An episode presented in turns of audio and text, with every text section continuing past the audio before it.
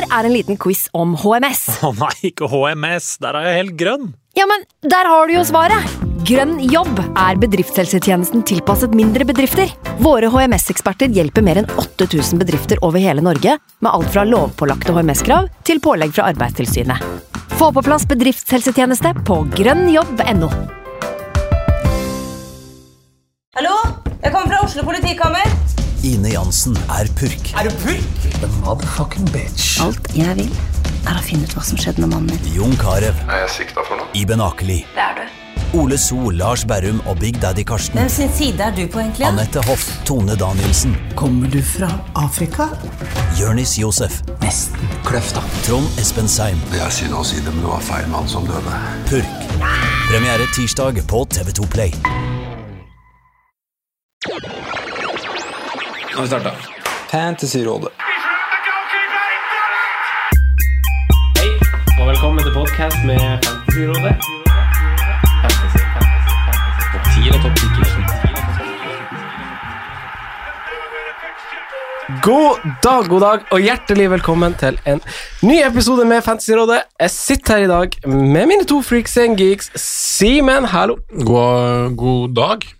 Og Er det vel nå? Sondre, hei. Hei. Vel formiddag, kanskje. Mine venner.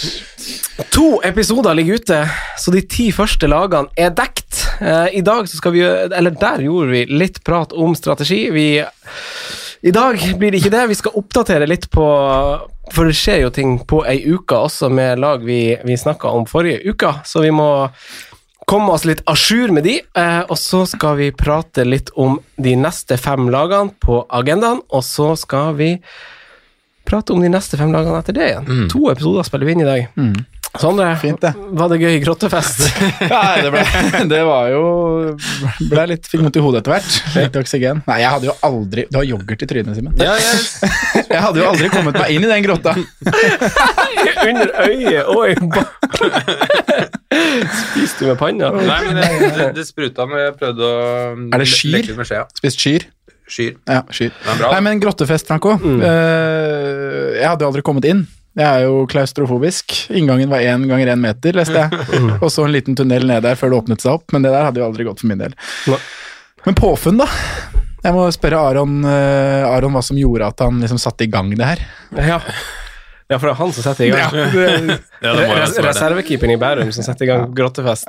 Jeg tenkte jo først at det liksom var typ 16-åringer som hadde dratt i gang dette da jeg leste overskriften og, og sånn, men det var, jo, det var jo voksne folk som driver med dette her. Det er helt sjukehus. Coco Jumbo. Coco Jumbo. Ja. Noen ganger så er, ikke, så er ikke det så kult som ideen høres ut. Nei, det er jo kanskje noen bieffekter du får av, av å stenge ølkranen i sentrum, da, at folk drar fest på sånn sett, men det er jo, det er jo nesten en sånn selvmords... Uh, kunne jo blitt da, en sånn skikkelig øh, dødsfest, nesten, vet du. Ja, tenk det. 16 oksygen, det, det holder det, men øh, ikke så lenge. Nytt info siden forrige gang, gutta. Skal vi hoppe dit? Ja. Eh, Sondre, eh, vi dekte jo ett lag hver hvor, uh, hvor Ferguson uh, hadde en sammenheng. Eh, Det gjorde vi. hvor- Hvor ståa der har forandra seg? Ja, eller ja, det har forandra seg. Det er vel at han på en måte har øh, Han er fortsatt i rehabiliteringsfase. Etter, vi nevnte jo skade han hadde hatt på vårsesongen i, øh, i fjor. Eh, og han bærer jo denne med seg videre og er igjen på en måte en slags uh, Jeg leste på Fantasy Football Scout uh, hvor de hadde artikkel om treningskamper som var spilt nå, og da har jo Crystal Palace hatt sin første mot Oxford, eh, og da var han ikke involvert i den. Og da sier jo eh, Roy da at eh, det er litt vanskelig å si tidspunkt på når han egentlig er tilbake. Eh, for man vet liksom aldri helt med sånne type skader. Eh, man er i lettrening, hvor mye man kan belaste. Det er litt sånn ukentlige vurderinger. Eh, så men det virker jo som at eh, Nathan eller Nathan Ferguson kanskje ikke blir den eh, 4-0-forsvareren man kan regne med spilletid helt fra start. Eh, og da dukker det opp et annet alternativ da, i Crystal Palace, som er Mitchell til 4-0. Så um, ja, det er litt, litt åpen og litt usikkerhet rundt akkurat den der nå, da. Men eh, på tid, så framtidig, så er det jo Nathan Ferguson som ser ut til å være den som skal satses på, men eh, må bare komme seg ordentlig 100 tilbake. Det er en kneskade, men er det typ uh, korsbånd, menisk, altså er det, Hva det er, vet, vet han det? gjorde vel en operasjon Det var vel egentlig ikke noe sånn akutt Han spilte vel kamper, slik jeg forsto det, men så var det den overgangen som feila da, til Crystal Palace i desember-januar. øh, og som et resultat av ikke bestått medisinsk sjekk der, så gjorde han en operasjon. Mm. Det er sånn jeg har forstått det. Det var noe sånt jeg òg forsto, Ja. det, at det var noe sånn uh, i forkant. Ja. Ja, eh, altså så Michelle eh, Mitchell spiller jo. Mm. Eh, Van Anholt er jo også ute. Uh, mest jo sesongstarten, og da Michelle spilte jo også på tampen. Ja, men, ja, Men jeg, jeg Øh, frykter jo litt at det blir en kanskje Martin Kelly-variant på høyre bekk. Det er i hvert fall veldig safe å gå den. Og så finner de et par andre som kan spille stopper, holdt jeg på å si. Men Mm. Joel Ward, da. ja, Det blir vel han på høyreback. ja også Kelly sentral, kanskje. Ja, jeg vet ikke hvor lenge han Cale og sånn ute. Men ja. Men uh, en som spilte venstreback nå i, i kampen mot Oxford, det var jo godeste Var ikke det han Ridevald? Ridevald, ja. Riktig. Står som midtbane, Står som midtbane. det ja. gir oss litt. No go. Eh, Men vi holder oss i samme klubb, da. Jeg spurte Eirik Aase på Twitter, eh, som er obligatorisk å spørre i preseason om nyopprykka lag, eh, om Ese, som nå er kommet til, til Crystal Palace. Han er god på FM, en veldig fargerik spiller, eh, så man tenker jo med en gang eh, tanken av at like barn leker best når han og Saha og Ayu blir der. Det blir tre afrikanske gener på topp der. Eh, nest flest driblinger sammen med Ben Rama i, i championship-sesongen som gikk. Eh, en Liverpool-kar som ikke lenger er i Liverpool-eiendom. Eh, Toppa den lista er Jaria. Uh, Ja, han er bekrefta til QPR, ja. Uh, Redding, er ikke det? Reading, men ja, sorry. ja. Eh, han er samtidig godeste EC Felt fjerde mest av alle spillere i championship, og så må vi ha i bakhodet nå at han var ikke sånn som spilte på de spillerne som gikk gjennom forrige episode, på et topplag. Han eh, havna vel på 13.-plass med QPR, skåra 67 mål i laget der, og han hadde 22 målpoeng, altså involvert i 34% av skåringen til QPR. Offensiv midtbane er i utgangsposisjonen hans eh, etter ønske, men han har blitt figurert både på venstre, litt til høyre, og også sentralt.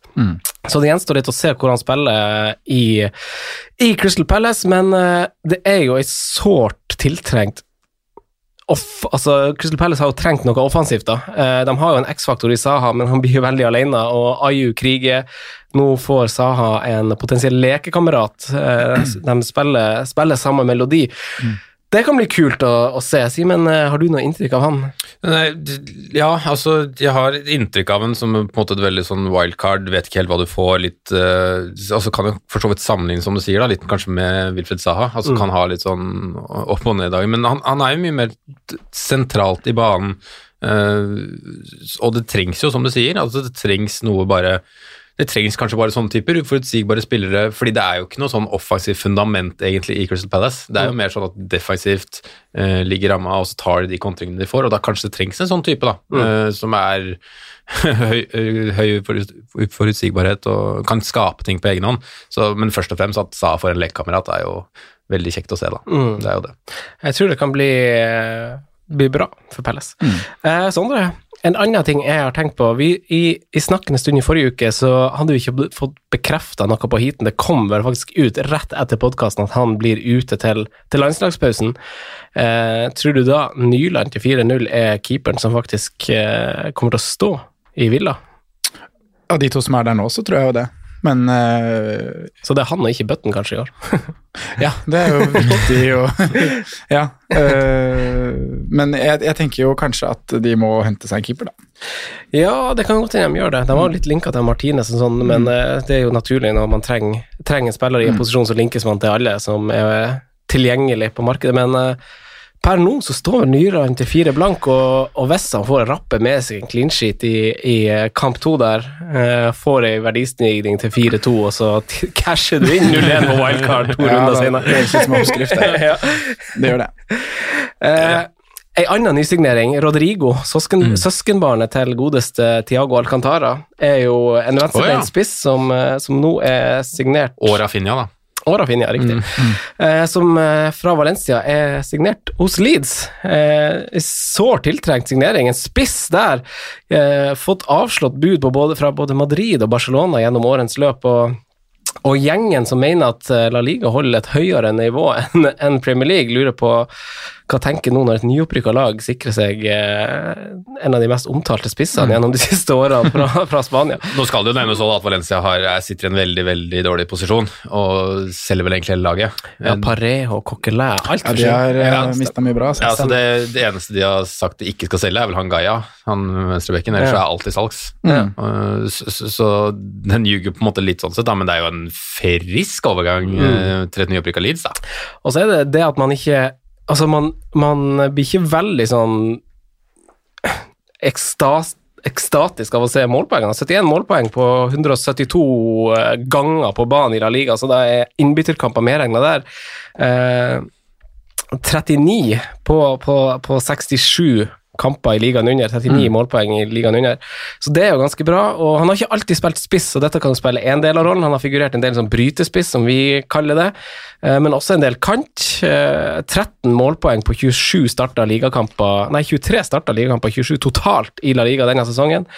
Eh, 24 målpoeng på 37 i 17-18, og, og det jeg leser, jeg prøvde å lese meg opp på han, han er kjapp, og han er god teknisk, så man tror at han vil bli veldig viktig på den måten, fordi at han ikke bare er en målskåler, men han er veldig glad i å sette opp andre. Eh, Gjennombruddshissig både på vegne av seg sjøl og medspillere. Eh, han er ikke lansert i spillet. Eh, hva tror du om pris, André? Jeg er veldig spent på det. det han kommer inn i et lag som har én spiss i, i troppen sin eh, som koster 5-5. Eh, frykter at han kanskje kan bli litt for dyr. Eh, han er aktuell her hvis han koster 6, koster 6-5. Eh, har også en følelse at plutselig kan bli skrudd opp til 7, men jeg tror kanskje det ble kneppet for høyt. Mm. Målpoengene, som du sier her, det har ikke vært så mye. Han har ikke så mange tall, eller gode tall å vise til. Mm. Men det er jo en mann som på en måte Ja, han skal jo han, han er aktuell av den grunn at han kommer til å være en mainman i et lag, Mm. eh, og kommer til å være billig. Mm. Så sånn sett så er det her veldig, veldig spennende, altså. Mm. Så mm, ja, jeg tipper kanskje han kommer inn til 6-5, Mm. Hva tenker du, Simen, Ja, Rodrigo? 6-5 var det første som setter seg i hodet mitt. Jeg hadde har liksom et lite håp om å få den ned på 6, da. Mm. med tanke på at de er uh, nyopprykka. Mitrovic fikk- for eksempel fikk Ja. 6 blank. Um, Og han har jo mye mer å vise til sånn eh, ja, målmessig det. og Um, at han har spilt i England. Ja, men, uh, men Rodrigo har jo en sånn brukbar bunke med landskamp for Spania. Man skal ikke kimse av det heller. Uh, det sier kanskje litt om, om spilleren. Og det er en, en spiller som også han uh, Nå kommer jeg ikke på han som landslagstrener til Spania, men når han stabla nytt, det nye Spania, holdt jeg på å si, så var Rodrigo, Rodrigo en av de første han tok inn i varmen igjen. Um, så er en spennende spiller. Jeg, tror- er ikke helt sikker på at han kommer til å bli brukt som nieren jeg i Leeds. eh, Som du kanskje var litt inne på, Franco. Jeg tror mm. fort han kan være en av de som skal være bak Bamford.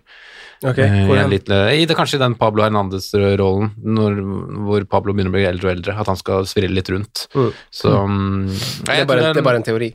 Det er bare en teori, ja. Ja. Det er bare det første inntrykket mitt. Men um, en fleksibel spiller kan spille um, både som, som nier, kan spille som den hengende, kan spille ut til høyre, Mm. eh, venstrebeint. eh, har vel noe å bevise nå, 29 år, da, så det er ikke lenge igjen sånn sett. Men eh, det er en markant overgang fra, fra Leeds, syns jeg. Mm. Så veldig, gleder meg veldig til å se det, og håper han allerede får debuten mot, mot Liverpool runde én. Mm. Ja. Og har uttrykt det å spille under Bielsa, det er en av hovedgrunnene til at han har lyst til å ta den sjansen. For det er jo kanskje litt oppsiktsvekkende, som du sier. da, Han går fra det trygge og kjente i Spania, han nærmer seg slutten av karrieren egentlig. Han har jo en del gode år igjen, men, eh, Han har vel et innhold, han har vel vært i England før, men han har vært i Bolten, jeg. Mm. Men jeg ikke husker helt. stemmer det? Har han det? Mm. Det, er- det har ikke peiling. Låneopphold. Hæ? Låneopphold. Ja. Øh, mener du har lest det et sted. Men ja, i hvert fall da, så har han uttrykt det at det å spille under Bielsa, at han ser på det som en kjempekul utfordring, og Mm. derfor på en måte han hoppa på det her. Og så er jo Leeds øh, Leeds er jo en storklubb. Ja, du har et par checkplasser. Jeg tuller litt. Ja. Jeg, tuller Jeg- jeg litt. du tuller litt, Det- det er noe sånn annet- det det fram, ja. Det er noe annet enn Salamanca Ja. eller noe sånt. Det er det. Men jeg er også litt overraska at det ikke er andre klubber som er involvert i overgangen her, da, som kanskje er eh, eh, over Leeds. Men det er generelt med mange, med mange overganger. Så er jeg veldig sånn Hvorfor ikke dem på han? Hvorfor? Altså, jeg tror det, er, det foregår greier bak kulissene der som er veldig sånn Men det kan jo være det uttrykte ønsket om å spille under Bielsa som kanskje, kanskje gjør at det er Leeds som Når de har vist interesse, så vil jeg gå dit. Altså, Man låser på en måte andre muligheter, da. Så bygger det seg opp en liten sånn spansk uh, greie i, i Leeds, gjør det ikke det? Casilla i mål, du har Hernandez Ja, det er vel bare de tre. Ja, okay, ja det er ikke flere, kanskje. Få se Men det- står, da. Kan vi, Ja, ja. Jeg tenkte bare sånn på troppen og Ja. det å Mm. trives og være Ja. Sondre, eh, før vi hopper videre på, på mitt kjære, kjære Burnley, eh, har, du, har du noe siste nytt fra, som du vil fylle oss inn med? Uh, Nei, nå tok jeg det på Ferguson. Eh, for å ta litt annet på lag som vi har snakket om, det, i de to første episodene, så har jo Harrison Reed, eh, som vi snakket om uh, Spilte i Fulham i fjor, Mm. var på lån fra Southampton. Det er blitt bekrefta nå. Han er uh, done deal til Fulham permanent. Mm. Uh, koster 4-5 på spillet, og jeg tror han kommer til å spille mye, da. Så det kan jo være en av de fire-fem spillerne man eventuelt kan gå for, men ikke forvent noe målpoeng-bonanza derfra. Nei, det, det, det er helt eh, enig ja. men jeg syns fortsatt han er kanskje, er kanskje er den mest interessante 4,5 midtbanespilleren akkurat nå. Ja. Ja. Hvorfor det? Men, han, For eh, hvem andre skal spille fast og kan bidra med målpoeng? ja, Han, du, du har han, han, tar jo, han tar jo frispark av Bizuma, da. Han har banka inn et par frispark i fjor. Ja, han gjorde det. Tok 30, poeng, tok 30 poeng på sesongen. Ja, Jeg vet ikke hvor mye han spilte. Jeg tror bare han får, Vi snakka om det faktisk før rekord, at vi tror han får en god sesong. Ja, vi gjør det. Han skårte to frispark i fjor. God fotballsesong. Eh, så men litt, føler jeg det er litt sånn gule kort-greier der, da. Men uansett, da. Det er, han, er- Harrison Reed fyller seg i hvert fall inn i en fire-fem-bolke med spillere der. Eh, tilbake til treningskamper, så har det jo vært spilt noe. Hvis jeg skal ta noe som handler om lag vi dekket sist, og noen ting vi snakket om sist, så var vi jo litt inne på Sebastian Haller eh, og versus Antonio-casen der, da. Eh, og Westham har jo spilt en treningskamp på Deep Switch, eh, vunnet 4-1, og Haller har skåret hat trick. Ja. Uh, Sorcek har også skåret mål. To. Ja, skåret ett i den matchen, men har skåret tidligere òg. Ja. Så um, Men Haller, den er jo veldig spennende, da, egentlig. Vi, vi, vi reflekterte jo litt rundt det, uh, i og med at Antonio hadde spissplassen i innspurten selv om Haller kom tilbake fra skade. Uh, men vi trodde kanskje at Haller kom til å få muligheten igjen da, til å spille seg inn på spissplass nå i oppkjøringa. Uh, og da er det jo greit for han at han gjør sånne ting som han gjorde her. Det styrker bare hans sin sak. Altså Uavhengig av motstander så hjelper et hat trick på. Ja, ja, ja. Det gjør det. Absolutt. Eh, Så er det jo artig å tilfelle at han eh, Diangana, som vi også nevnte i forbindelse med to klubber forrige uke, hadde, hadde to assist da, i den samme matchen. Han syns jeg folk skal liksom skal merke seg at vi, vi sa. Jeg synes det, jeg synes Når man har en podkast, syns jeg det er litt kult å, å bekrefte og avkrefte ting som er veldig artig, men jeg syns, jeg syns vi dro opp for å gi litt selvskryt, dro opp noen litt spennende navn som ikke bare er Matheus Pereira og Antonio i de forrige episodene. Mm. Uh, og jeg syns Diangana kan være en som man på et tidspunkt i sesongen plutselig kan ende opp med å ha. Og Haller òg syns jeg er veldig spennende. Vi hadde jo en ganske Selv om vi, vi tre hadde jo ikke våre beste sesonger i fjor, men vi har, i løpet av podkasten, så i hvert fall i løpet av høsten i fjor, så nevnte jo vel Og hadde ganske bra treffrate på den der uh, synstesten. Så det jo, det er jo litt av det samme måten man drar fram spillere. da. Men mm. det skal, vi må jo opp i, opp i ringa og, og treffe like godt i år, da. For vi la egentlig lista i fjor, syns jeg. Ja, vi gjorde det. Hadde du noe mer, Sander? Sondre? Nei, det var good.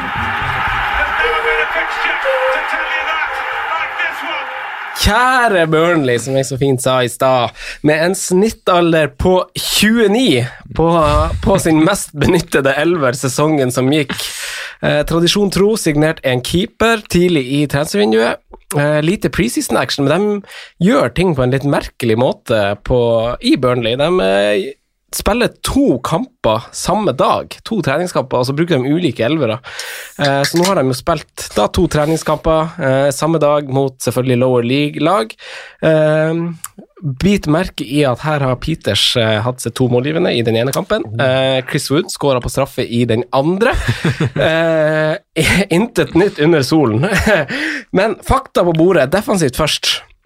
Nest flest clean sheets. Eh, trodde vi at Pope kom til å koste 5,5? Ja, vi gjorde nok kanskje det. Eh, har han fortjent det? Ja, absolutt. Jeg har mest eid? Ja, det er han også av alle keepere. Eh, om han bør ha han, det stiller jeg meg noen spørsmålstegn eh, egentlig til. Eh, han var jo keeperen som redda fjerde mest i fjor. 120 eh, redninger hadde han, som innebærer 40 poeng bare på redninger. Eh, det er jo poeng spillere i backrekka ikke får, som fortjener litt av eh, Eller begrunner litt av prislappen der, da. Eh, Pope 23. Eh, bonuspoeng. Tarkovskij med nest flest, 14. Begge disse spilte samtlige 38 kamper for eh, Burnley. Eh, men så har de backa til 4,5, og det er jo smått utrolig for eh, det laget som hadde nest flest clean sheets. Årsaken der er jo, som i flere klubber vi kommer til å snakke om i dag, at det anses å være konkurranse i de posisjonene. Eh, jeg tror derimot ikke den konkurransen er så veldig, veldig stor. Eh, Høyrebacken ganske åpen. Låten han spilte og var førstevalget da sesongen starta i fjor. Ble skada ganske lenge. Bardsley kom inn. Eh, Låten kom tilbake, spilte ræva mot Chelsea og Pulisic. Da var Bardsley inne igjen. Og så spilte Lauten litt igjen på tampen, så den er jo faktisk vidåpen. Men Bardsley er vel 35 og fyller 36, om jeg ikke tar helt feil. Eh, men den er fortsatt åpen. På venstresida så er jo eneste årsaken til at han Peter spilte på vår nå Han spilte jo først og fremst kant, og det er jo pga. at Gudmundsson og Robbie Brady, de to der, først og fremst var skada.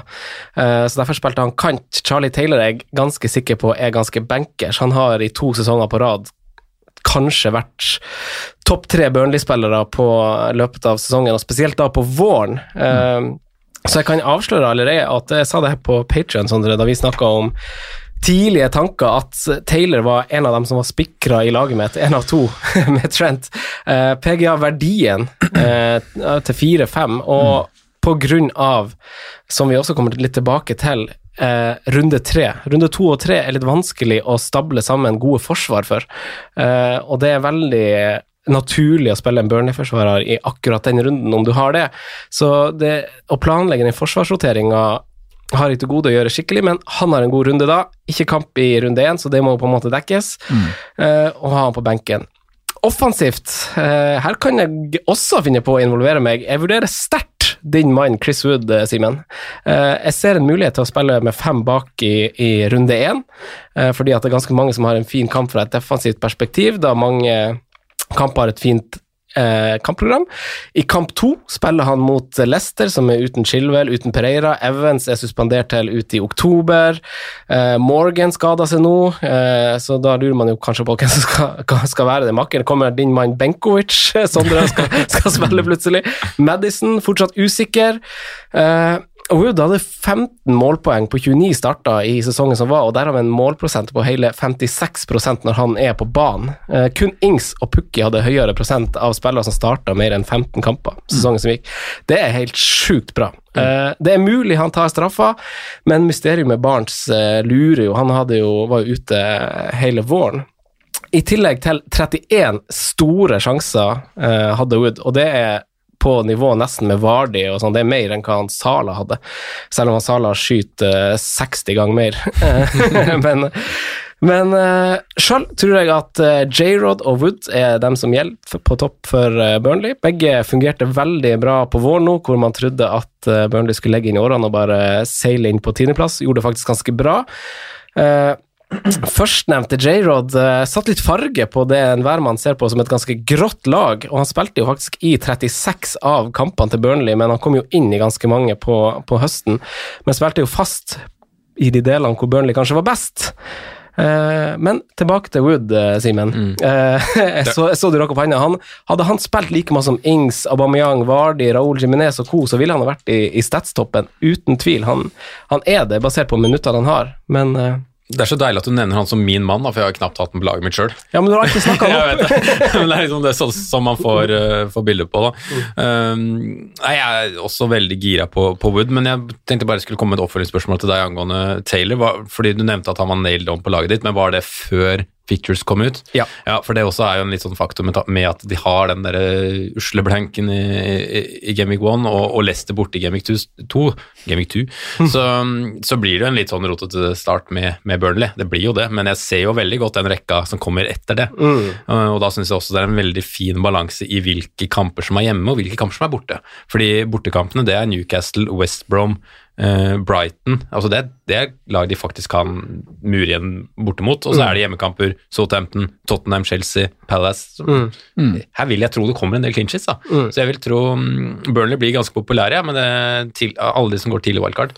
Ja, og alle de som går tidlig wildcard, eller de som planlegger tidlig og ikke har det, så kan det være greit å ha ja. inne hvis du finner en rotasjon i de to første rundene med andre forsvarsspillere. Og så er det jo et lag som, som du vet nøyaktig omtrent hva du får, og hvert år så sitter vi og eier oss over at vi ikke hadde den forsvareren hele sesongen og bare hadde han nailed i, i laget. Jeg føler jo det. Det er jo sånn man oppsummerer Burnley nesten hvert eneste år. Og jeg skal innrømme det, jeg har ikke hatt ett draft jeg, med en Burnley-forsvarer inne, men øhm, ko, ko, sannsynligvis så straffer jo det seg hvis jeg ikke gjør det. Sondre? Jeg eh, hadde to Burnley-spillere i mitt første draft, eh, og det var Taylor og Wood. Det, det var før Fictures kom. Eh, jeg syns det er noen større spørsmålstegn rundt det eh, etter Fictures har kommet, Eh, og da eh, man må virkelig tenke seg litt om da, hvis man skal starte, eller planlegge godt hvis man skal starte sesongen med Burnley-spillere med, med blank i Gameweek 1. For du må også tenke at du skal ha La i vurdering av hvor mange blank-spillere du skal ha med, og det her skal vi gå litt runde på i neste episode, da vi skal snakke mer om uh, Manchester United og Manchester City, som er uh, topplagene som ikke spiller runde én. Eh, men Charlie Taylor inne, kjempepositiv til det. Som Simen sier, eh, Fictures er jo ganske bra, og spesielt bortekampene. Newcastle, West Bromwich, sånne ting. Men jeg er ikke overbevist om at det er så veldig bra å starte med Chris Wood. Uh, du nevner Leicester, dårlig forsvar, mange skader, sånne ting. Det er greit. Uh, runde tre, Southampton, hjemme. Uh, ligaens tredje beste bortelag i fjor. Like mange poeng som City på Jeg bortebane. tenkte på det etter at jeg sa det. Runde fire og fem er begge bortekamper. Eh, Burnley skåra i snitt ett mål borte i fjor, og gjorde vel det samme året før. Er ikke et lag som, er god info! er ikke et lag som skårer veldig mye mål på bortebane. Eh, og så er det da en kamp mot eh, Tottenham og José Mourinho, og så et Chelsea som ser veldig mye bedre ut. Så offensivt er jeg ikke like overbevist om at det er riktig å starte med Burnley, men defensivt er jeg helt med på det. Ja, for jeg, sånn, på, på det defensive så, så hadde altså Charlie Taylor hadde ganske lite å si for meg om Altså Den blenken har ganske lite å si, egentlig, fordi det kunne ha vært City borte, og jeg hadde heller ikke spilt han. Ikke sant? Så fixturesene hadde ikke så mye å si. Uh, så lenge det går opp med resten, eh, så går på en måte det fint. Uh, og du gjør jo en god case for hvorfor man ikke skal ha Wood, og, og den kommer jeg nok mest sannsynlig til å stille meg bak. Eh, på den andre sida så kommer de til å skåre mål allikevel, Ja. eh, og, og sjansene for at han er den som gjør det, er sett på stats, sett på historikk, ganske stor for at han er involvert. Eh, også en av de spissene som er mer kreativ av seg, faktisk, som, eh, som Jamie Vardy også skal vise seg å være for Leicester, så står han bak litt, eh, selv om han bare hadde én assist nå, eh, men eh, det er noen nøkkelpasninger ute og går. Ellers så har vi jo en annen fargeklatt i 99-modellen, og kanskje Englands svar på Jens Petter Hauge i Dwight McNeil til, eh, til seks blank, eh, som med Tarkovskij og Pope faktisk spilte alle 38 kamper. Ganske sykt eh, for en 99-modell i Premier League. Eh, han fikk jo etter hvert ta dødballer med, med Westwood, som eh, begynte å dele litt. Og underliggende tall på han tilsier jo at sesongen kan gi skal vi si ti pluss målpoeng. da. Han hadde vel åtte målpoeng sesongen som gikk nå, som jo er ganske svakt eh, fra en kantspiller som angivelig skal være ganske fargerik, så prislappen på seks er fin. Men eh, nå har han en sesong under beltet, eh, og Burnley som lag er faktisk på øvre halvdel på store sjanser over sesongen. Eh, er- altså, er er en stor sjanse bak United, de er over Tottenham og Arsenal for den saks skyld.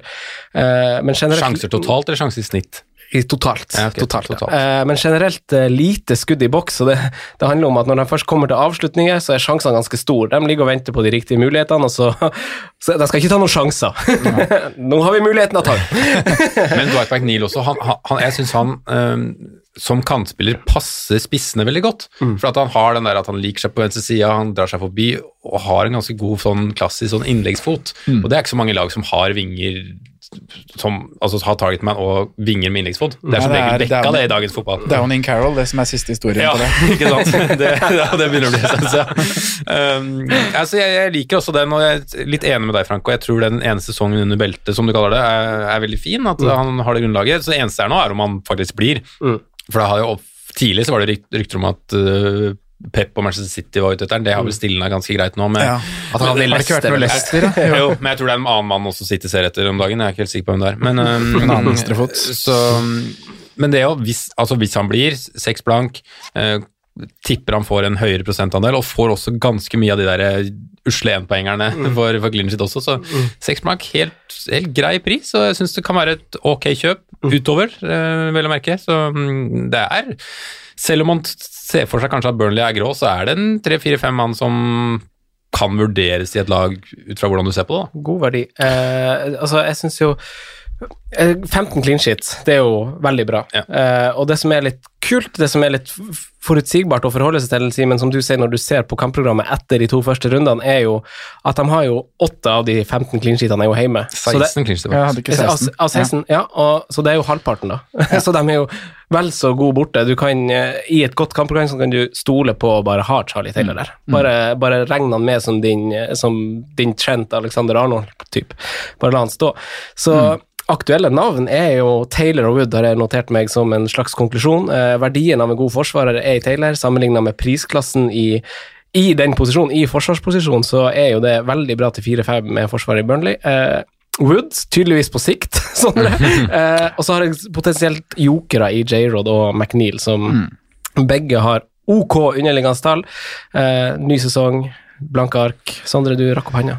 Eh, ja, det var for å føye til et aktuelt navn, men bare for å ta Wood Han kan selvfølgelig skåre mål også i de kampene som nevnes her. Uh, for som du sier, han er ofte involvert når Burnley skårer. Men, uh, Han har skåret mot gode lag også. Ja, han skåret vel to på brua. For, Han har det. det er kanskje lenge siden. da. men Pope er også et høyaktuelt navn.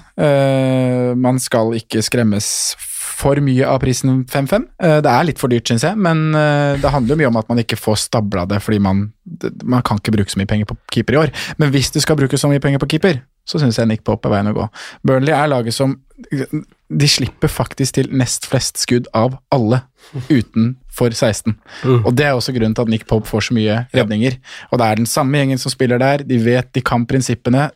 Det kommer til å skje i år igjen. Mm, det Kommer til å skytes fra 20 På plukket. på blokker. Det er jo ikke noe vanskelig, det. altså, Jeg, jeg er enig med deg. Jeg, jeg tror Pope er verdi til 5-5. Ja. Det tror jeg. Så er det eneste Stablinga, klarer du det? eneste spørsmålet er om en annen keeper til 4-5 er enda mer verdi. Og sammenligna med Charlie Taylor da, til 4-5, altså om den millionen, har den så masse å si i favør Nei, men du kan jo ha begge to, da. Ja, du kan det. Mm. Da soper du inn ganske masse i noen runder, da. Eh, absolutt. Eh, Simen, har du noen siste ting du ønsker å si på, på Burnley? Nei, egentlig ikke. Vi har jo vi har vært innom det. Det viktigste er kanskje den Pope-prishoppet fra i fjor. Og så er det jo Ellers så ser det jo ganske likt ut. Eh, vil jo kanskje anta at det kommer noe friskt blod inn. Det har jo gått noe ut. Jeff Henrik. Vet ikke hvor stort tap det er, egentlig. For helt ærlig. Jeg tror ikke det er så mye å si. Det er Nei, Cork, Cork og Westwood som spiller Ja, sentralt Det var en mulighet til å spille en annen, men det må jo noe inn her, da. Og det hadde jo vært litt gøy om de fikk en, eh, kanskje en ny fargeklatt på andre sida av eh, McNeil. Han var jo ganske god, eh, faktisk, han Brownhill, da han kom i januar. Spilte ganske, Han koster jo fem. En av styrkene hans er jo dødballfoten, men der har han jo så masse konkurranse fra Westwood og, og, Ja.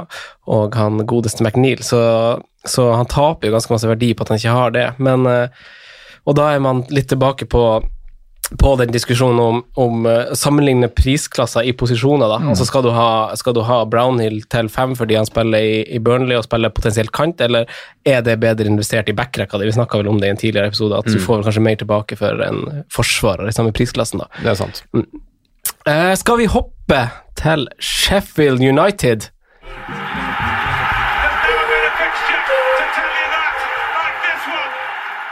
Simen, flere hadde nok tippa Sheffield United og godeste Chris Weller skulle røkke ned, men kollektivet dem, de bøy på både taktisk innovitet og solid disiplin. Eh, Nå kommer den veldig vanskelige andre sesongen eh, for Sheffield United. Eh, Hva, hva er Sheffield United for deg? Ja, si det. Altså, det første jeg tenker på når Sheffield, hvis du hadde spurt meg før forrige sesong, er jo metal-bandet Bring Me The Horizon, som faktisk er derfra. Eh, ganske kult band. Eh, fikk navnet etter Pirates of the Caribbean, sånn fun fact. Um, ellers så Sheffield United eh, De var kanskje de som overraska meg mest i fjor, for jeg syns de var ganske kule, selv om de var litt kjedelige, hvis det er lov å si. Altså litt innovative, lite målpoeng, altså du ender på, på en målforskjell på 39-39. Det, det er lavt scora, og det er lavt sluppet inn, sluppet inn så det er liksom uh, Hvis du bare ser på tabellen, så tror, jo, tror man jo at det er Burnley. Så, så, sånn sett, en god Burnley-sesong. Men um, også det er litt sånn jeg har ikke så veldig troa på en veldig god andre sesong, altså, som, det, som det står nå. Jeg syns de er svekka på keeperplass, selv om det er der de har brukt penger. Mm. Eh, Jeg og Sondre prata på, det- på det før vi gikk inn i studio også, at Ramsdale, er det bra nok i hele tatt? Og så er det 20 millioner pund i tillegg som de kaster ut der, da. Mm. Nei, jeg er veldig skeptisk til eh, stablinga der, og så må de få seg noe krydder offensivt. Nå har de Mm. prøvd litt med litt ulike varianter. De henta vel han også Sivkovic, jeg vet ikke om han er der ennå. jeg. Evig unge talenter fra Benfica, fikk vel ikke et minutt. Um, nå har jo uh, godeste um, Ravel Morrison har jo dratt. Uh, stort, uh, stort tap for Sheffield. Rodwell, ny kontrakt. Rodwell ny kontrakt, han var vel knapt på banen. Men det er Altså, stammen er jo der. Samme trygge, solide bekkfemmeren. back-femmeren.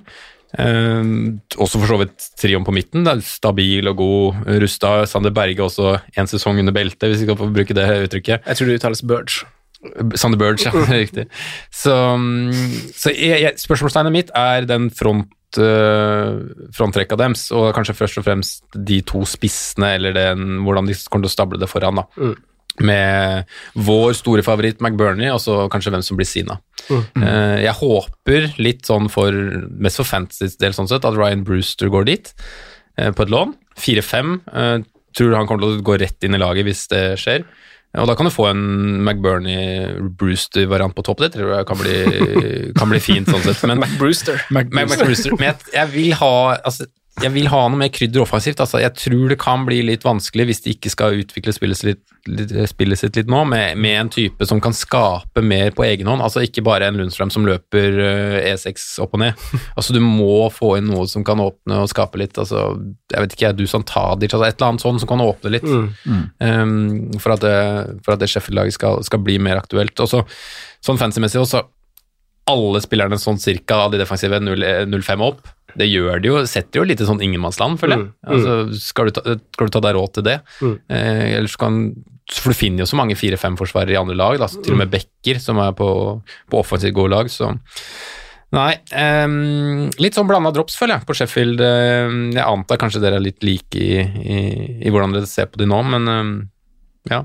Ja, jeg så på så på XG-en deres mot. De har jo ifølge Fantasy Football Scout så har de 51 på XG mot, slapp inn 39.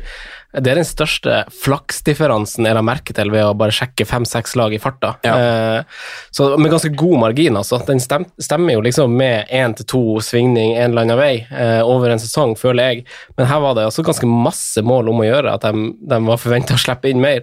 Så kanskje det er en god ting at de har henta en keeper som som bare redda masse i, i Bournemouth, men gjorde knapt noe mer enn det.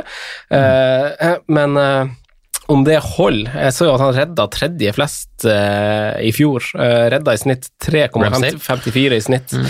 Eh, og, og Ja, du, du skal få skyte inn, men jeg vet at du, du har tatt fram savlene her. Nei, nei, ikke i det hele tatt. Men når du snakker om redningsprosent, så må du også ta med, eller redninger, så må du ta med hvor mange skudd de hadde da, imot. Ja, få høre. Nei, de hadde ja, jo bra. 223 skudd imot. Var jo åpenbart med flest av alle lag, og Sheffield var jo nede på 168 Mm. utenfor 16. Så det er ikke rart at Ramsdale redda en god del. Nei, ikke sant. Ja. Ja, men Dean Henderson var jo altså Jeg vet ikke om man skal rangere keeper i fjor, da, for du har på en måte han Newcastle-keeperen, og så har du topplaga sine keepere, som på en måte er helt andre, annerledes, men også veldig gode, og så har du Pope. Altså, han var kanskje, Si at han var nummer fem kanskje da, i ligaen i fjor, og så går du ned til Ramsdale, som var han topp ti? Selv om han hadde mye redninger. altså Jeg ser ikke den, da. Jeg ser ikke Ramsdale i nærheten av, av Henderson, sånn, og da da du skal svekkes der i tillegg, og så har du kanskje overprestert med tanke på poeng. Du scorer lite mål. altså Det må komme inn noe nytt blod for deg. Det må komme inn et eller annet. og da, Jeg tror ikke det er nok med et lån på Ryan Brewster, men jeg tror det kan bli et fint fancy asset med tanke på at han koster 4-5. Men uh, du må få inn en, en eller annen En eller annen skikkelig god spiller offensivt. En Trossar, altså et eller annet sånt. Sondre, jeg vet jo at du har, du har jo noen noe contacts. Eh, så, men vi vet jo at, at Sheffield United har en eh, vane å være god bakover. Eh, tredje flest clean sheets delt med et par andre lag med 13. Åtte av de var på hjemmebane. Eh, men det, det tappa seg litt etter hvert, eh, og, og de må, som Simen sier, signere én eller to spillere. og man håper jo at Sander Berge, som jo Vi må ikke glemme hvor ettertrakta han var da han kom i, i januar. og hva sier dine gode kilder på om hvor, hvor han kommer til å spille? Altså, Kan vi se han på ankeret? Kan det hjelpe? Typ?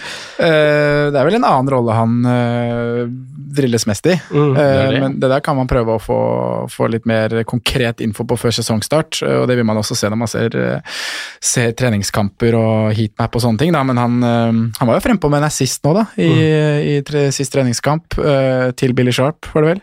Mm, ja, han hadde den siste billig kjapp. Ja. Eh, og han koster jo bare 5-0. Jeg sier ikke at det er noe man skal ha på fantasy, altså, men hvis han skal bli den som Det er jo Man har vel hørt at han han selv også sier at det her er en helt ny rolle for meg. Eh, det er ikke den spilletypen jeg på en måte har vært tidligere, og jeg må, jeg må utvikle spillet mitt for, på veldig mange områder for at det skal passe inn i den rollen Wilder eh, vil at jeg skal spille nå i Sheffield. Mm. Uh, men det er også veldig spennende, for han er jo en spiller som på en måte har alltid tatt neste steg fort. da, Gått Mm. fra andredivisjon til Eliteserien, gått fra Eliteserien til Belgia, og nå da gått fra Belgia til England. og Det har på en måte gått hele veien. Han har den evnen at han klarer å, uh, å ta neste steg ganske fort. Mm. Uh, og Da er det veldig kult å følge den, den nye rollen han drilles inn i i Sheffield United nå. Eh, ja, det var det. Eh, bare litt tilbake på det med keeper, for jeg føler jeg, litt sånn å fullføre den helt. Så du sier uh, clean sheets-statistikkene, var det 13 du sa? Palace, ja. Ja, Nei, til Palace, unnskyld, Sheffield United. ja, Ja. Og, og det jeg tror på en måte er jo at For det er jo åpenbart det defensive som ga oss uh, assets Sheffield United i fjor. Vi hadde Lundstrøm som var Det var jo en gave, og så hadde man også de andre som var billig prisa, og de fikk clean sheets, i tillegg til da å kunne krydre med noe offensivt Mm. innimellom. Eh, det er jo den samme rekka som står bak der eh, i Forsvaret, men det er på en måte forskjellen på Dean Henderson og Ramsdale er nå så ikke jeg altfor mye Bournemouth i fjor, vi om det tidligere, det var ikke noe gøy å se Bournemouth i fjor. Man bare droppa å se Bournemouth i fjor, for de var dårlige. Eh, Men jeg så en del Sheffield United, og Dean Henderson han er en leder. Han er en som står bak deg, sprer trygghet. Uh, Han er høy og mørk. Eh, Det ser jeg ikke helt i Ramsdale. Det er en annen type keeper. Eh, Og det det er på en måte det som jeg er litt skeptisk til hele greia. Han er en litt mer sånn bias-type à la Pickford. Mm. Eh, Jeg sammenligner de litt. Eh, Litt lengre armer, da. Litt lengre armer enn Pickford, det har vel alle, Simen. Men eh, han er jo åpenbart en, et kjempetalent, da. Men man skal huske på at han er vel to eller tre år yngre enn hva Dean Henderson er også. Ja, 22 tror jeg Ramsdale er. Ja, Ikke det? Så unge. Ja, Ja, da skjønner jeg overgangen mer, da, faktisk. De er vel samme alder, ikke de? ikke det? Jo, det er kanskje 97 begge to? Ja. Ja, ok. Nei, da, ja. Jeg, er- nei, jeg er usikker. Men i hvert fall litt kritisk på akkurat det punktet der. Eh, defensivt fundament, det er eh, veldig mye samhandling og samarbeid mellom eh, keeper og forsvarsfirer, eller forsvarsfemmer, da, eller treer, kall hva du vil i dette tilfellet. Ja, det, Så, vi, så, vi, så vi styrer, vi styrer rett og slett litt unna Sheffield United defensivt for å se om de klarer å hoppe etter seg sjøl i en god, god debutsesong, eller ja. ja, jeg tror det. Og så det, det som var liksom var litt sånn hadde den de kosta 4-5, som du sa, da, så hadde, vært, hadde vi Det hadde vært en mye mer enklere vei inn, sånn sett. Men det som jeg ble litt overraska over, da, når jeg liksom leste litt på Sheffields eh, sesong i fjor og sånn, er at de var jo Hvis du tenker sånn, ikke tenk poeng per match, men tenk hvor de ligger i forhold til de andre lagene, så var de like gode hjemme og borte, cirka. Mm. Altså de var nummer ni hjemme og nummer åtte Nei, nummer ni hjemme og nummer ti borte, eller et eller annet sånt. Altså Cirka like gode hjemme og borte. Og, og det stussa jeg veldig over, for jeg følte at det var et veldig typisk hjemmelag. Mm. Når jeg, så, sånn som jeg satt, Men det var kanskje fordi at de var så forutsigbare hjemme. De fikk nullen i de kampene man forventa å få det hjemme. altså De var enkle å rotere med. Da. De var liksom en sånn fancy man managers drøm i fjor. Eh, og det tror jeg ikke vi får i år, og det tror jeg egentlig veldig mange av de som lytter på sånn, så er klar over akkurat nå. da. Så, Ja, det er jo veldig som du sier, Simen, at de, de skriker etter noe offensivt. Eh, Det er jo, det, altså Setter man på expected goals og mål scoret, så scorer de ganske lite. Lav XG. Det er kun Pelles og, og Newcastle, et nåværende Premier League-lag, som er dårligere. Eh, og med tanke på hvor høyt oppe på tabellen i gåseøynene de havna, så er det ganske svakt. Uh, så de, og de må gjøre sånn som de gjorde i januar. Da typ. Da brukte de litt en god posisjon, henta en ettertrakta spiller Ja. i Sander Berg, og nå må de kanskje gjøre litt det samme. da. Uh, hente en god X-faktor-type spiller, som, som ikke Freeman var, som nå er sendt ut på lån. Uh, For du må huske på det at I veldig mange av de hjemmekampene som når de møtes i antatt dårligere lag, eller antatt like, cirka like gode lag, så har de ganske god ball possession. De har ganske etablert, de kan sette seg opp ganske høyt og stå liksom ha hva skal vi si, ha, ha, eie kampen litt, men da mangler jo den der ene boksåpneren. da. Altså Den ene som kan trylle. det er ikke Hver gang så kan du ikke satse på disse løpa fra bekk og, og sånn skal funke hver eneste gang. Du må ha en i midten der òg. Og det ser jeg ikke verken med Sander Berge, Norwood eller John Fleck. da. Nei, Nei Norwood har jo spilt Nei, vi trenger ikke snakke noe mer om, om Sheffield United, egentlig. Vi, vi hopper videre, vi, og så har vi tre lag til denne episoden her.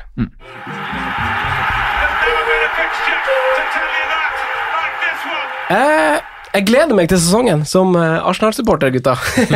Eh, Simen, du som Liverpool-tilhenger, tror jeg kanskje kan kjenne deg igjen litt, for følelsen av å ha genuin tro på og, og faktisk glede seg til at det kan bli noe bra, da, etter å ha ligget noen år nede i gjørma og kava, som Liverpool også hadde en periode med, så så er det godt å ha litt trua og glede seg til å se Arsenal-kamp, og det er jo så artig å glede seg til å se favorittlaget sitt uh, spille kamp. Uh, Arteta han ble jo motarbeida av Louise og dommere fra, fra starten av uh, sin periode i Arsenal, og det var på et tidspunkt av, av hans karriere som trener her at at han i over halvparten av kampene sine måtte gjøre grep i løpet av førsteomgangen fordi uh, David Louise ble utvist, eller det kom en skade som, som han ikke trodde skulle komme. Så måtte deale med det. Mm. Og det er ganske mye. Det var, det var spilt sånn åtte kamper, så var fem av kampene så skjedde det noe sånt. Og det er jo veldig vanskelig å hanskes med. Eh, Arsenal vil nok denne sesongen, som den som gikk, by på noen jokere fantasy-messig. Eh, jeg skal prøve å melde litt bastant nå, eh, faktisk. Og så så må man ha i bakhodet at det er ut ifra dagens tilstand av laget, og mye kan skje på de ukene før seriestart. Man har jo litt gode å få de her signeringene, eh, store signeringene bekrefta og litt sånt.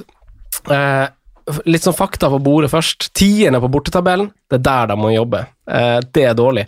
Slapp inn eh, like, mye borte som hjemme, men de skårer ikke så masse. Kun 20 av totalt 56 mål er skåret borte, er dødssvakt. Mm. Eh, ganske mange store sjanser mot, sett over sesongen. Veldig mye bedre før nå på tampen, hvor de her tøffe lagene kom med City og sånt, så var tallene veldig gode under Ariteta. Kun fem lag over sesongen tok mot mer skudd i boks enn det Arsenal gjorde, sett over sesongen. Uh, det er veldig svakt. Synsundersøkelse tilsier likevel at det er et mye mer organisert lag. Vi trenger ikke se veldig langt tilbake for å se det. Vi så det i Community Shield også mot Liverpool. Så de statsene vil være mye bedre denne sesongen her. Uh, haka er jo, Simen, som jeg og du drodla litt om, at det skal spilles ut bakfra. Eh, hvordan det hvor det tidligere har blitt straffa ganske mye, og da spesielt inne sentralt hos Granit Xhaka, som lå veldig alene eh, i det ansvaret hos både Emry og egentlig også Wenger en god periode. Nå er det to stykk sentralt, Ceballos er borte, eh, men nå er det to stykk som er, er nede og, og sikrer litt. og El Neni tok jo den rollen ganske fint nå, men vi forventer vel en ny en der. og... Return of the King, da. ja, det er det ikke mange som har trodd. Uh, men så, så, så, er det jo noen spillere også mot Liverpool som spiller altså i potensielt sin beste kamp i Arsenal. Se, se Holding spille ut som Bonucci mot Liverpool på skåringa der. Det får vi ikke se mye av, tror jeg. Vi vet at han er litt stressa, men vi vet jo samtidig at det er det her det trenes på. Det er det de trener på på treningsfeltet. Det vises veldig godt. Uh, så om han leverer stabilt på det nivået, det er jo litt vanskelig å si når man fortsatt trener, trener veldig mye på det. Men uh, apropos Holding, jeg var veldig overraska over at han eh, starta mot Liverpool. Jeg tenker at tanken er litt at nå, nå, altså nå tar vi denne kampen med dem som har fortjent å spille den kampen, mm. og så derav Martinez inne, uh, holding over Saliba. Uh, jeg har hatt uh, Saliba inne i et draft, fordi Holding har egentlig vært linka av veldig gode reportere til spesielt Newcastle på lån, uten opsjon på kjøp.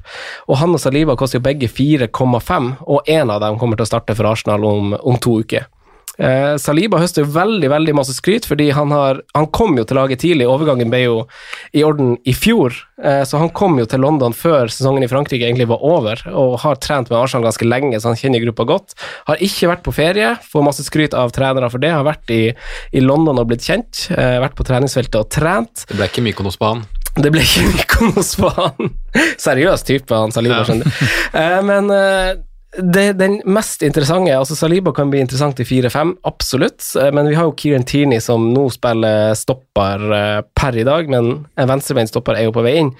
Uh, og så må jeg, må jeg, spørre dere, da. Hvis jeg, hvis jeg, er veldig fanboy om jeg sier at jeg ikke er overraska om man sitter igjen i mai og kanskje sier at Tierney kanskje er Premier Leagues beste venstreback? Nei, jeg er helt enig. Yes.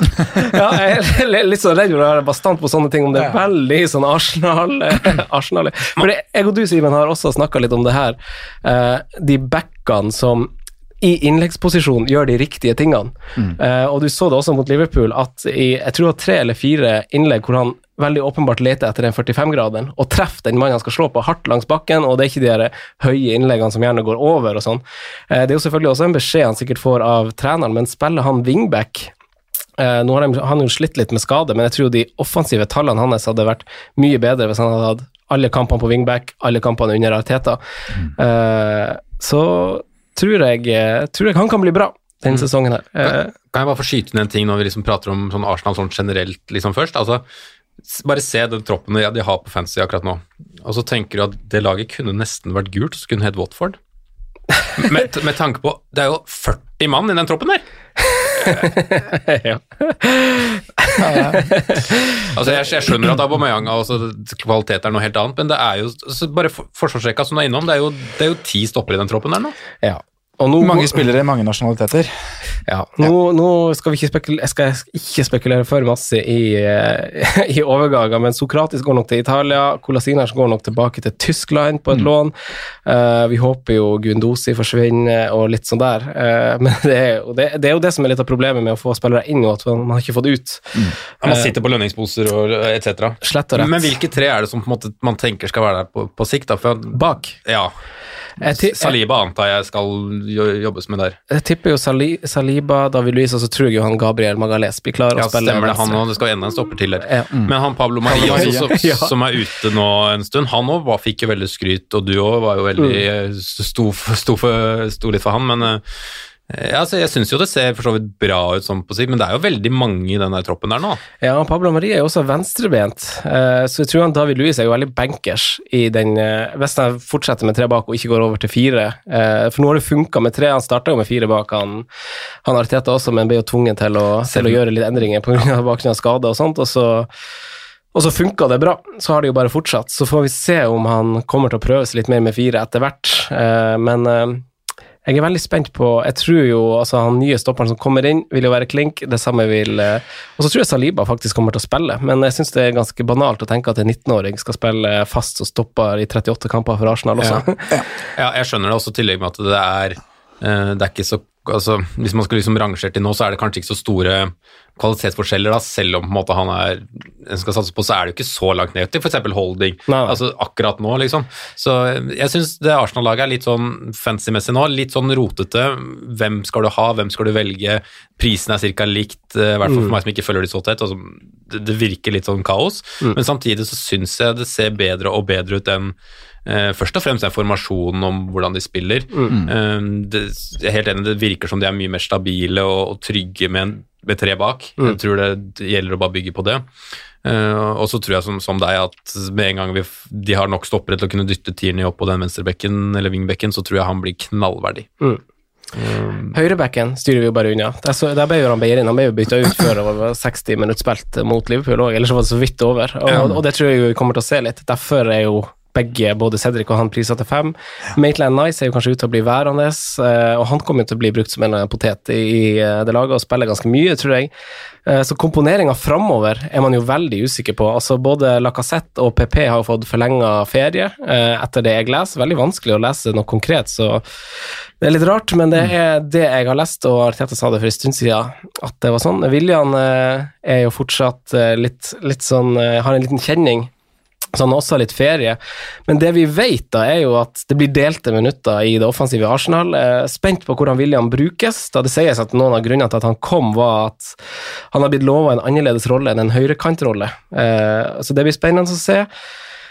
Eh, Lacassette og PP kommer til å bli masse bytta ut, eh, men på topp så Man har jo Aubameyang, og det er jo en spiller eh, jeg tipper dere kanskje stiller dere bak meg på at man gjerne starter sesongen med. Jeg tror aldri han har vært bedre i Arsenal enn det han er nå. Han gjør ting, triks og touch som han aldri har, har gjort i, i Arsenal-drakten. Eh, Lacassette er jo et usikkert kort, det styrer man unna, til det motsatte er bevisst. Så jeg sa jeg skulle være bastant, eh, og jeg tror Neketia kan være en fin spiller å starte sesongen med. Eh, Han er jo litt begrensa som spiller, uh, uten å gå for mye inn på det, men han har to fine kamper på rappen. Uh, og så kommer du til en runde tre der, hvor du kanskje har to bytter, og da kan bytte han ut når kampprogrammet blir tøft, men han har Fulham først, hvor jeg hvor han i dag starter. Det er jo ingen tvil om det. Lacassette eh, er ikke matchfit i det hele tatt. Så han får jo god support der etter hvert, når Viljan og gutta blir klar. Eh, så det tenker jeg kan være en joker, både han og Saka. Eh, Til Neketia til seks og, og Saka til fem. Eh, Han er jo glad i å assistere. En fin assist, selv om han ikke er ferdigskåra til Aubameyang mot Liverpool. Sondre, ikke helt ferdigskåra. hva, tenker du, Sondre, om, eh, om Arsenal? Nei, det er mye spennende i Arsenal. Eh, nå pratet dere lenge om forsvar, og det er på en måte, hvis jeg skal skyte inn noe på det, så, så det er jo veldig mye som bare er litt wait and see her, da. I og med at eh, den ene stoppeplassen for David Livius er jo ikke aktuell. Eh, man må bare se hvem som tar den siste stoppeplassen, eh, og da eventuelt om Tierney i det øyeblikket han skyves ut på wingback, om han uh, har rå midler til å bruke de 5-5 på han, for jeg tror også han kan bli verdi. Uh, men spørsmålet er da om du har en 4-5 som spiller fast i forsvaret, så går man kanskje den veien isteden. Eh, Jeg kan fort starte med Tierney, selv om han spiller stopper i første runde. ja, og jeg, jeg, som jeg sa tidligere her i dag òg, jeg syns jo å ha en sånn spiller i en trebekslinje er jo helt ideelt. Mm. Kjempegod med ball, eh, kan dra på seg press. Eh, kan også dra ledd mm. med ball i beina. Så det er, det er egentlig ganske avgjørende når du skal spille den type fotballen som Arsenal legger opp til å spille nå. Eh, alle de laga som gjør det, og som får det til, da. Uh, Bodø-Glimt, Manchester City, Liverpool. Eh, de har van Dijk, de har Laporte, de har Lode. Det er, du må ha det. uh, Ja, så er det spørs hvor mange ganger, da, som, som Franco sier, at Holding gjør det på en måte nå mot, mot Liverpool, men gjør da, gjør han, hvor mange ganger av 100 gjør han akkurat det samme? da? Eh, Tierney er nok nærmere det hundretallet enn Holding er. for Ja. det sånn da. Og, og det var jo noe vi prata litt om i stad.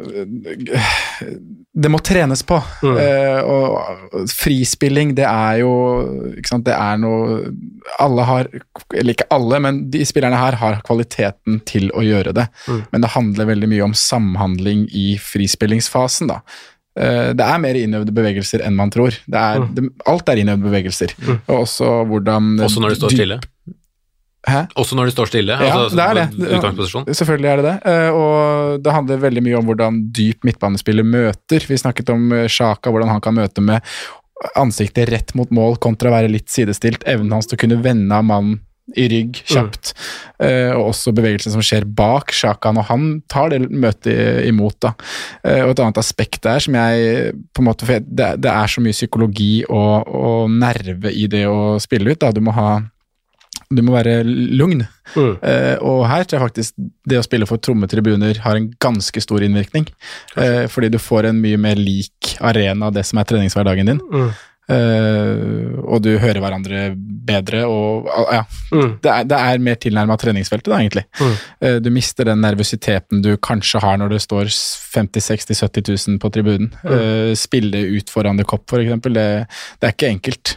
Eh, så det tror jeg også påvirker positivt, altså. Men over til det offensive. Aubameyang. Uh, han har blitt så mye mer aktuell eh, nå når han er midtbanespiller. Mm. Eh, Hvorfor det? Nei, du får på en måte Du får jo ekstra poeng. Da, hvis han hadde, du kan legge på 35 poeng vel i år Mm. på, på, på scoring og, og på clean shit. Så hvis du tenker at han kommer til å levere de samme tallene som han gjorde som spiss i år, så er han uh, kjempeaktuell også som midtbanespiller. Det eneste som kanskje påvirker litt negativt, er vel at spisser får litt enklere bonuspoeng. Mm. Får mer bonuspoeng for scoring enn Mm. midtbanespillere gjør. Ja. Men det er jo flisespikkeri, på en måte. Han, eh, han hadde vel 18 skåringer, var det han endte på? Nei, det var 22. 22, ja. ja ikke sant. Helt, helt greit. 22. eh, og så hadde de 12 clean sheets. eh, 10 clean sheets. Ja, Mm. Da er vi oppe i 32 poeng ekstra, da. Det som er, er at eh, Aubameyang er så mm, Altså, han er så jevn da, i prestasjonene. for den, Siden han, den første halve sesongen han, han fikk, da, så hadde han eh, rundt 1000 minutter skåret ti mål. Eh, litt over 100 minutter per, per scoring, men han har gjennomført det samme tallet med to sesonger på rad med 22 skåringer. Altså, du får eh, ja, Si at du får 22 skåringer på sesongen, og du får sånn 11 per, per halvsesong, så det, han er så jevn. Og kan egentlig Det er jo egentlig bare den posisjonen og at han ble litt sånn i midtsjiktet i fjor som gjorde at han var vanskelig å stable, Ja, det var det. rett og slett. Men eh, som tolv som midtbane så syns jeg han er enkelt å stable, og som du sier, får de 20-30 poengene mer, så nei, han er no-brainer fra start. Altså. Det er jo 32 poeng mer hadde han hatt i år, da. Hvis du legger med de 22 skåringer og 10 clean sheets. Uh, og så syns jeg jo Nikitia-greia du drar fram her, er, er spennende. Uh, for det har jo vist seg gang på gang at selv om Lacassette er ute, så spiller jo ikke Aubameyang spiss. Han spiller venstrekant så å si hver gang. Eh, selv om de mangler på en måte sin sin Lacassette på topp. Da. Så da, da er det jo nærliggende å tro at det er uh, Niketia som skal få Fulham i serieåpningen, og da også kanskje West uh, ja, Vestheim i runde to på hjemmebane. Det er en fin pønt, altså. Det er det. Det er det. Jeg, jeg tenkte også på Altså, jeg begynte å tenke tankene om tre ganger Arsenal, eh, fordi det er så mye verdi for pengene i potensielt Saliba og Neketia skulle de spille. Eh, ønsker jo gjerne Tierney om ikke om ikke kampene var som de var, og da faller jeg litt tilbake på at jeg kan ikke ha tre. Jeg ser at uh, i de to i de kamprekka etter de to første, så, så møter de Liverpool, City og United i løpet av de neste fem. Alle de tre borte. Eh, det er dritt. Veldig deilig å ha det unnagjort, men det er dritt. Og så er det Leicester i tillegg som en av de fire-fem. Uh, så det er Ikke sikkert det er så dritt, da, med tanke på mm, altså Arteta slo jo en del av disse sammenlaga Ja. etter, eh, etter, etter restart, er vel det riktige ordet å bruke. Men, ja. men altså, jeg vet ikke hvor mye Jeg skal ikke prøve å ta noe bort fra Arsenal sånn sett, men jeg vet ikke hvor mye jeg faktisk legger i de kampene, for å være helt ærlig. Eh, noen av lagene var litt som avsk avskrudd den perioden der også, og, og Arsenal var kanskje et av de lagene som jaga litt og hadde mer på spill sånn sett også. Så. Men jeg, jeg ser veldig lyst på FBL-sesongen med Arsenal, med tanke på som du sier, det er god verdi, det er lave priser. Vi har nesten ikke nevnt Saka, for eksempel, som står til 5,5. Syns det er en knallpris. Og vi har heller ikke nevnt PP, som Nei, står til til eh, åtte. åtte, Ja, som jeg også syns er en kjempespennende prising, altså. For her må man ha i bakhodet at, at han har bare én sesong bak seg Ja. eh, under Emery, og, og 40 det er målpoeng, la jeg kul kulturforandringer der, det er engelsk barriere, eh, det er Premier League, det er noe annet enn i hvert fall league A, eh, prega av Emery-ball, eh, og så var det en eh, fødsel her i innspurten som gjorde at han ikke spilte, faktisk. Jeg var Ikke med et par kamper. Ja, det er mye nytt, ikke sant? og to ulike managere på en sesong. Det er mange faktorer som spiller inn her, og han kommer jo til å Det kan jeg garantere at han kommer til å få mer enn 11 målpoeng i år. Ja, samme. Altså, ja, PP, ja. Ja. ja. Mm. Prisen der kan være kjempefin. Ja, jeg tror det kan bli kjempebra. Eh, har det- vel en dødballfot òg, som er brukbar. Nå kan hende William ta litt, da, men har vel en brukbar dødballfot, PP? Ja, han skårte jo på ett frispark, vel, eh, og tatt et par cornerer, men var kan- var vel først på, på i hvert fall innleggsfrispark da han var i tropp. Okay, ja. Eh, ellers er det det jeg tror som kan tale litt for Arsenal nå å få en, en god start, er jo at de har spilt i, i det man kaller offseason-periode. De har spilt to konkurransekamper mot Chelsea og Liverpool og gjort det veldig bra. Jeg tror først og fremst at det styrker liksom klubben sitt ståsted i eh, fotballverdenen. At eh, nå har vi vunnet mot Chelsea og Liverpool i det som er to viktige kamper, og så i en veldig fin periode. Vi er i transfervinduet og skal lokke til oss spillere, og så ta de kampene der, da. Uh, Viser litt at man er der. Ja, at man liksom er, akkurat plukker litt. ja. Jeg er veldig spennende. Jeg starter i hvert fall med Aubameyang, og det jeg vurderer nå, er om jeg til og med skal kapteine han mot uh, Fulham. Fordi Vi kommer tilbake til, til Liverpool i neste episode, men uh, Men bare én ting sånn før man liksom runder av, da, så er vel kanskje Arsenal, hvis man ser på troppen som helhet, kanskje det laget hvor det gjøres flest grep fram til seriestart, vil jeg kanskje tro, med tanke på antall utlånssalg, kanskje par mann inn, altså kanskje i troppen, ikke så masse i elva, Nei, tror jeg. nei, men liksom at stallen både ryddes og kanskje forbedres litt. Jeg tror det skjer en del, del der, altså. Nei, Veldig spennende å følge med på. Det er noen jokere der. Uh, vi hopper til uh, Wolverhampton.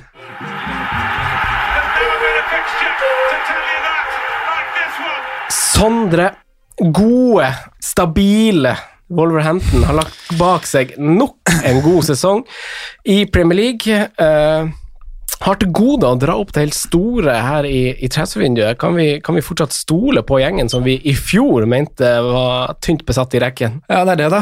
Eh, Det er to sesonger nå hvor det imponerte imponert oss stort. eh, Og det har gitt veldig gode fancy assets egentlig begge, begge åra, selv om prisene på en måte ble skrudd opp fra sesong én til sesong to. I fjor var vi som du sier veldig skeptiske, og det er litt det samme vi sitter og og snakker om nå, da. Vi kunne ønske at det skjedde litt mer på overgangsvinduet, at de forsterka seg i, i ulike ledd, og nå i tillegg da hvor de også lar en av fantasy-favorittene, Matt Docherty, gå til uh, det som er en konkurrent. Uh, så, så er jo det litt sånn, man blir litt, uh, litt kritisk til det hele, da. De har vel hatt et uttalt mål, vi snakket jo om det her i stad, de har to syvendeplasser på rad, men sånn utad så har vel Wolverhampton sagt at Målet var Champions League, eh, og det var vel forrige sesong på en måte det skulle vært Jeg mener det var gjennomført. Ja. deadline. Eh, Så sånn sett er de kanskje litt bak plan, men jeg tenker jo de må være kjempefornøyd. Eh, Gjorde det jo, kom langt i Europa, eh, og hadde Vi var jo skeptiske i fjor grunnet tynn stall. eh, Skulle tidlig ut i europakvalik, eh, og da sjøfle både Premier League, eh, Liga, eller eh, Liga, Liga Cup i England og Europa League, da. Eh, med en relativt tynn stall hvor vi ikke så så veldig mange strenger å spille for, utenfor egentlig en 11-12-13 mann. Da. Eh, men ja, det er jo det er som jeg har sagt, det har vært fire-fem mann som har vært veldig populære. Uh, og enten nå så har jo Doverty, en av de, han har forsvunnet, og de andre har jo blitt skrudd litt opp i pris. Uh, Boli og Size skrudd opp 0,5 begge to. Koster nå 5 da på Boli, og Size koster 5 blank. Den Donker har blitt skrudd opp 0,5, så han er ikke den faste 4-5-midtbaneren han bare setter på, på, rett inn på laget der. Traoré har gått fra 5 opp til 6 Nei, han har, Seks og en halv. han har gått opp til 6,5, og han starta vel på 5 blank. Ja.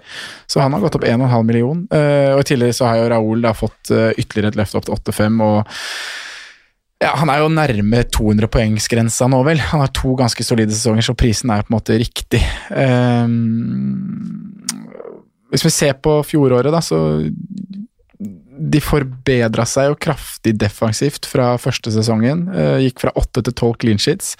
Tolv av de clean sheetsene de kom på hjemmebane. Nei, eh, åtte av de tolv clean sheetsene kom på hjemmebane, fem av de kom på bortebane. Eh, og var et av de laga som hadde en veldig solid innspurt etter restart. Seks av åtte clean sheets kom fra februar og ut, og holdt nullen i fem av de seks siste kampene. Så defensivt var jo det på en måte De tar med seg en boost derfra, da. Selv om de kanskje ikke vant alle de kampene, så var det, var det noen 0-0-kamper inni der. Men, boligeffekten. boligeffekten Bolieffekten kom tilbake fra skade. Mm. Men nå er jo spørsmålet hvem som eh, skal være aktuell da, når Boli uh, Size er skrudd opp. eh, og da har jo den store snakkisen blitt venstrebekken Vinagre til 4-5, som da i fraværet av Jonny Otto skal bekle den rollen. Eh, Otto er jo en kneskade og kommer til å være ute en, en god stund, så vet vel egentlig ikke hvor lenge det er snakk om, men eh, ja. Derfor blir jo han veldig, veldig populær, men eh, spørsmålet er jo hvor mye det påvirker, da. Mister begge vingbekkene sine, og vi må jo også spekulere i hva de kommer til å gjøre på høyrebekken. Eh, de har jo Vi prøvde å kikke litt på det. Hva, hva er det de gjorde de gangene Dockerty var ute? Eh, de spilte jo noen ganger med Jonny og Vinagre, begge to. At en av de spilte på høyresiden. Eh, For Jonny er høyrebeint, det er ja, viktig å påpeke. Ja, han er jo det. Mm. Eh, så, så det kan jo være en mulighet. Når han kommer tilbake fra, fra skade, så kan han bekle den høyrevingbekken. Mm. Eh, en annen ting de har gjort av og til, er jo å legge om til en litt sånn De har en 3-4-3-variant, men også en 3-5-2-variant. Og da har jo Adama Traoré vært den som har uh, fossa opp og ned på høyresida der. Mm. Så det er også en, en variant de kan gå for, da. Eh, Gjennom hele sesongen i fjor, eh, laget som slapp til færrest big chances av alle lag. Eh, sjette best på conceded, eh, eller shots conceded i boks, og fjerde lavest expected goals conceded. Så de har på en måte et veldig godt defensivt fundament. Så jeg kommer nok til å starte sesongen med Vinagre. Jeg syns han er Og da hvis du ser liksom på Det er jo kampprogrammet, da. Man Ja, for det liker jeg egentlig ikke. Jeg liker ikke de tre første, Nei, men, men så må man tenke på at Wolverhampton har vært et lag som De har en evne til å kunne gjøre det mot alle, da. Eh, og de har vist nå begge årene hvor de har vært oppe, at de har, de har slått eh, I fjor, eksempel, da de slo Spurs borte. De spilte 0-0 mot Manchester. 1-1 borte på, på Emirates. Vant 2-0 på Etihad. Eh, og det er på en måte Sammen med Manchester United så var det også det beste laget defensivt borte, alle tall. Eh, så det er liksom litt Så du sånn spiller. Vinagre mot, mot City i kamp to òg? Jeg tenker at det, det, er, Du kan gjøre det, mm. men jeg tror jo City vinner den kampen. Men eh, det, du nevnte jo på det i stad at den runde to kan bli vanskelig med stabling av defensive spillere. For det er ikke så veldig mange fire-fem forsvarere som har så fine kamper i den runden. Eh, men jeg tenker at man kan gjøre det. Mm. Syns det er helt greit. Og så rekka som kommer etter City-kampen er jo kjempefin. Da er det jo Mm. egentlig fem matcher der som er uh, krem, hvor det kan komme clean sheets i alle rundene. Altså. Eller, ja. absolutt. Det er fint etter det. Eh, så sier jo bare spørsmålet hvor, hvor stort holder laget i laget at de har mista faktisk begge wingbackene sine, som de har jo lent seg ganske godt på i et par sesonger nå. Eh, hvor, hvor utslagsgivende blir det for totalen, da? Eh, de har til gode å få inn noe nytt, og jeg syns tida er i ferd med å liksom ikke helt strekke helt til at de skal drille inn en ny til å starte sesongen, så uavhengig om de signerer en ny eller ikke, så, så blir det et litt svekka Wolverhampton i kamp én, tenker jeg. Eh, Vinagre er jo klink, eh, men hvem, da blir det Jeg tipper jo Adama Traore. Jeg tipper også det. Jeg tipper 3-5-2 er med Adama Traore. Så det løser seg kanskje greit med at de legger om Ja. systemet sånn, ja. Men Ja. hvis de skal kjøre det andre systemet, så, så tror jeg det blir litt tricky, da. Ja. Eh, Simen, du må få uttale litt også. om- Ja, um, jeg, eh, mulig det liksom er eh, et langskudd, men jeg tror ikke tapet av Matt og Docherty er så stort sånn i, i spilleren isolert, jeg, da. Jeg tror det ligger mer litt sånn, som vi kanskje er inne på, at det er mer systemet. At det eh, Selvsagt, nå har du jo ingen direkte backup klar nå, mm. så ja, han er et tap sånn sett, men jeg tror ikke at Altså, de kan kjøpe en ny eh, høyre wingback som er omtrent like god, det tror jeg, altså. Jeg tror ikke det er sånn voldsomt uh, Jeg tror det er mer at Dockerty har passa perfekt i systemet, sånn sett. Ja. Um, det som er litt sånn spennende, som vi ikke har nevnt, er jo mannen som kom inn i januar, syns jeg, da. I Podense, hvis Traoré skal ut på vingbekken, så tror jeg fort at det er han som kan bli en av de mannene, eller mennene foran i rekka. Kanskje litt usikker hvordan de skal stable Si at de skal stable Håta og Himinez selv på topp, da, så kan jo fort hende at en Podense også kan svirre rundt enten som en av den samme Rota eller istedenfor Jota, sånn sett. Ja. Så mm, det er en spiller jeg har på watchlist, faktisk. Jeg syns prisen, prisen på 5-5 er veldig gunstig. Mm. Um, Potensielt. En, ja, en million billigere enn en Jota, så, så det er en mann jeg har, har notert ned i, i Wolverhampton. Men jeg er også litt sånn jeg håper eh, for dem skyld at det skjer noe, noe Jeg syns også de må friske opp litt. Det eneste de har kjøpt, er en backup til Patricio. Mm. Um, Jeg har fått inn eh, Jeg tror bare det er det. Jeg har det, er det det eneste? jeg tror det. det, jeg tror det er det eneste, så mm, det må friskes opp noe, altså. Ja, Det er vel han Bonatini, nei, Bonatini ja, som har kommet tilbake fra lån i Portugal, det er det eneste.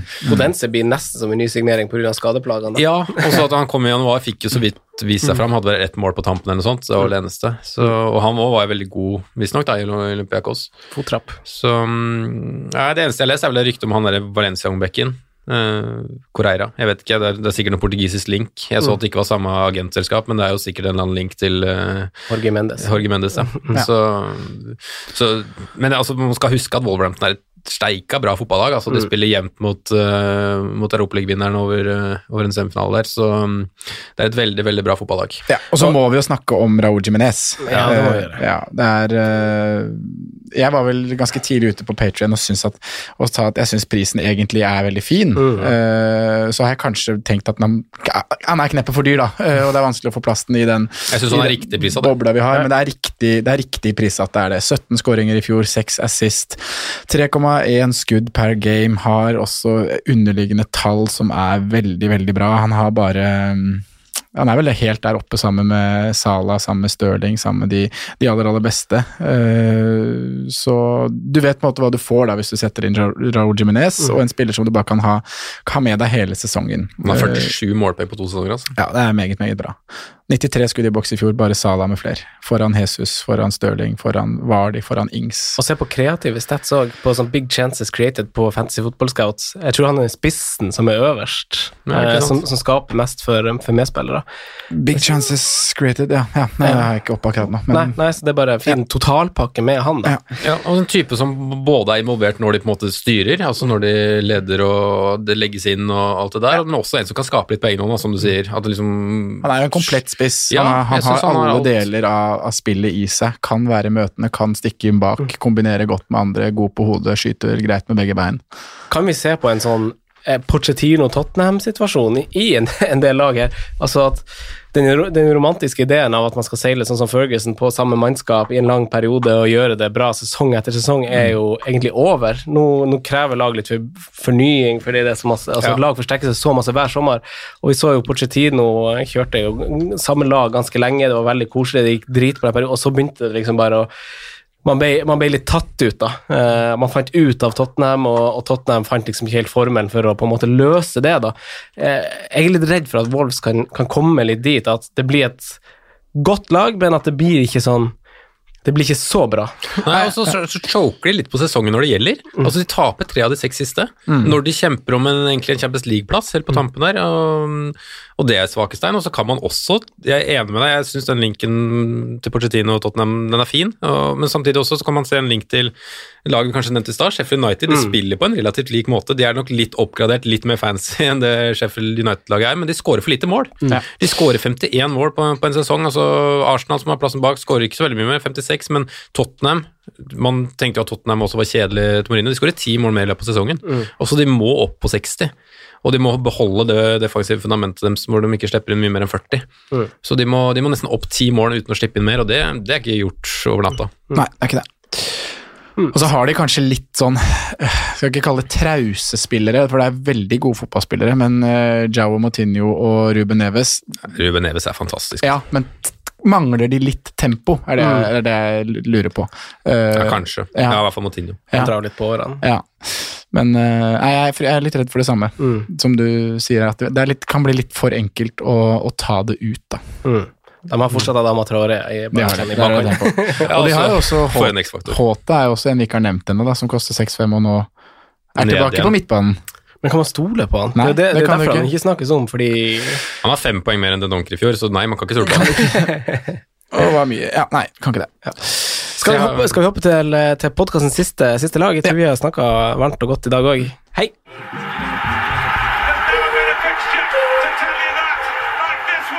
Sondre, Mourinho sitt Tottenham har jo eh, eh, litt vekslende meninger vedrørende seg, egentlig. Eh, Dorothy og Høibjerg er blant annet inne. Eh, et veldig overkommelig program på papiret, eller veldig blir kanskje unødvendig bruk av adjektiv, men et greit program. Eh, hva tenker du? Nei, jeg, jeg sitter jo egentlig og tenker at Tottenham bør snakkes litt mer om, og kanskje vurderes litt mer enn det gjør. For som du sier, så har de et Jeg syns det er mer enn et greit program. Ja, jeg. jeg syns det er et bra program. Uh, Everton hjemme, Southampton borte, Newcastle hjemme, United borte tøff, uh, og så Westham, Burnley, Brighton, West Bromwich. Det er et kjempefint program. uh, men det er gode grunner til at det ikke blir så snakka om, da. Og det er fordi at du har andre og dyrere spillere som vi skal snakke om i neste, neste episode, som blir prioritert foran. Eh, og det faktum at de har José Mourinho som manager, eh, som ja, tar gleden ut av alle lag og alle fotballspillere han toucher borti. Så, så, Det er vågalt mildt, altså. ja. Men uh, Tottenham er jo et av de lagene som har kommet godt i gang med treningskamper. Det er ikke alle lag, Vi har ikke snakka så mye om det, men det er ikke alle lag som har spilt treningskamper i det hele tatt. Uh, Tottenham de har vel spilt eh, tre treningskamper. Uh, slått Ipfitch, Reading og Birmingham. Har holdt tre clean sheets i de treningskampene. Oi. Ja da. Var det Ipswich, Reading og Birmingham, Ja, men da, men eh, det fortsatt clean sheets. Og, og det, det er jo kanskje det jeg kikker mest på, hvis vi skal bare gå inn på det. For jeg syns det kan være noe spennende alternativt defensivt er da i, i Tottenham. Uh, 39 poeng på hjemmebane i fjor, tredje beste hjemmelag. Uh, 12 seire, tre uavgjort, fire tap. Men de holdt jo ikke så mange clean sheets. Hadde kun seks. Uh, Er det færrest, eller? ja, det var på hjemmebane, altså. Ja. Seks på hjemmebane. De hadde fire på bortebane. Sikkert noen lag som har færre clean sheets enn seks, vil jeg ja, ja, ja, ja, okay. gærent. Jeg trodde det var seks totalt. Nei lurer. eh, seks clean sheets hjemme og fire på bortebane, altså. Så um, Men for å gå inn på Vi kan bare gå inn på stallen. De har gjort noen signeringer. Vi nevnte Dockerty. eh, kommer inn 6-0 fra, fra Wolverhampton. Det er litt rar signering. Eh, Jeg skjønner jo han veldig godt på mange måter. Komme dit, tjene litt store penger, bo i London. Hva syns dere om tweeten hans? Den har jeg ikke sett. Har du ikke sett? Den, den, den, for han er jo Arsenal- er Arsenal-supporter. Ja. Å ja. Så la Tottenham ut en video på Twitter av han hvor han sletta gamle tweets om at han skrev at han elska Arsenal. Og så. Jeg vet ikke om jeg hadde likt det som Tottenham-supporter. sånn det Det, den ser jeg ikke helt, men altså, det er jo et de dreper jo på en måte den at alle skal retweete det og sånn, at de bare liksom legger den på en måte død. Ja, ja. Så det er jo greit sånn sett, men eh, Nei, mors, greit påfunn, men eh, ja. ja. Sondre, as you were. Ja, nei, øh, men det spennende her er å se hvordan det skal stables bak, da. Eh, om det skal spilles en eh, treer, eller om det skal spilles en firer. Eh, Vi tror vel kanskje at det kommer til å spilles en treer, men det var ikke det som ble gjort mest i fjor. I hvert fall ikke ifølge, ifølge Hosgaard og opp- oppstillinger på formasjoner der, da. Eh, Men en av de jeg kikker mest til i Forsvaret, er jo Eric Dyer. En eh, spiller som José Mourinho har ønska veldig lenge, eh, og det var jo veldig mye rykter rundt Dyer til Manchester United når Mourinho var trener der. Det var jo også noe av det som starta en konflikt mellom Pochettino og Dyer, eh, og nå når Mourinho har kommet seg til Tottenham, så har jo det resultert i mer spilletid på Eric Dyer nå i innspurten, og også en ny kontrakt, treårskontrakt, som ikke det tar helt feil. Uh, og han er jo en prisa til fem, da, og er jo billigst av de som på en måte ser ut til å spille bak der. Uh, du har jo Rose og Davies også, som begge ligger til fem, men der har du jo det her eh, ja, aspektet du aldri helt vet med, med spilletid og, og, og sånne ting. Men uh, Eric Dyer har vært inne hos meg i, i noen draft, og jeg ser jo potensielt clean sheets i de åpningskampene her da, mot Everton, eh, Newcastle og Westham hjemme, lag som egentlig ikke skårer så veldig mye mål. Og da med recorden på, på mm, veldig god hjemmestats på Tottenham i fjor, uh, og da kanskje at José Mourinho kan, kan få inn mer, mer clean sheets, da. Kan tro han har øvd på, øvd på at laget skal ligge kompakt når ble det 1-0 den sommeren her, eller? Og så er det spørsmålet da om det, for det er det mange sier at det påvirker det offensive så veldig, og det er grunnen til at man dropper de offensive, offensive valgene herfra, fordi han tar ikke kontringene. Eh, får de 1-0, får de 2-0, så blir det ikke noe mer. Spiller ikke for å få 3, 4 og 5, sånn som kanskje andre lag og managere gjør. Men eh, jeg vet ikke helt om det er Nei, De valsa vel over Burnley og Westham ganske tidlig. i Ja, var det i Mourinho sin uh, æra. Men første et, kamper? Ja. etter det så var det vel litt kjedeligere sånn sett, da. Ja. Det var det, det stemmer nok. Ja. Hva tenker du om Hva hva du har notert på, på Son og Kane og Fine priser. Altså. Ja, sånn synes jeg ikke. Jeg, jeg, som jeg sa her på, det var vel ikke i podkasten, men på Patreon, at jeg, jeg, skjønner ikke hvorfor sånn har blitt skrudd ned 05. jeg. Ja, helt enig. Jeg ser ingen grunner til det, bortsett fra da den argumentet med at manageren er litt mer defensivt. Men han hadde 11 skåringer, 13 assists. Mm. Uh, du, hjelp meg med å finne grunn. Jeg ser han, han har fem målpoeng nå i preseason òg, på, Ja. på de to første kampene. Mm. Eh, men det er jo det er jo stor haka der, egentlig. Eh, og det er jo at han spilte spiss fordi Kane spilte ikke. Alle de målpoengene kom da han spilte spiss. Ja.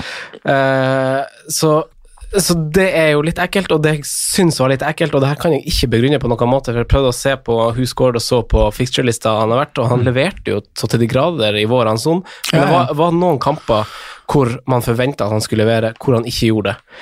Eh, og jeg sitter med et sånn vagt minne av at han lå ganske breit i, eh, i en del kamper. Ganske langt ute til venstre etter eh, Kane kom tilbake. Ja. Men det som er med hans sånn, er jo at han er jo skal vi si, to, topp tre avsluttere i Premier League, da, kanskje. Eh, så når muligheten byr seg, så er han jo nådeløs, både med venstre og, og høyre. Bak Chris Wood. Skal jeg faktisk dra fram en stat på Chris Wood der som jeg kom over mens vi snakka i stad. Det er big chances missed over hele sesongen i fjor. Der er Chris Wood nummer fire, Simen.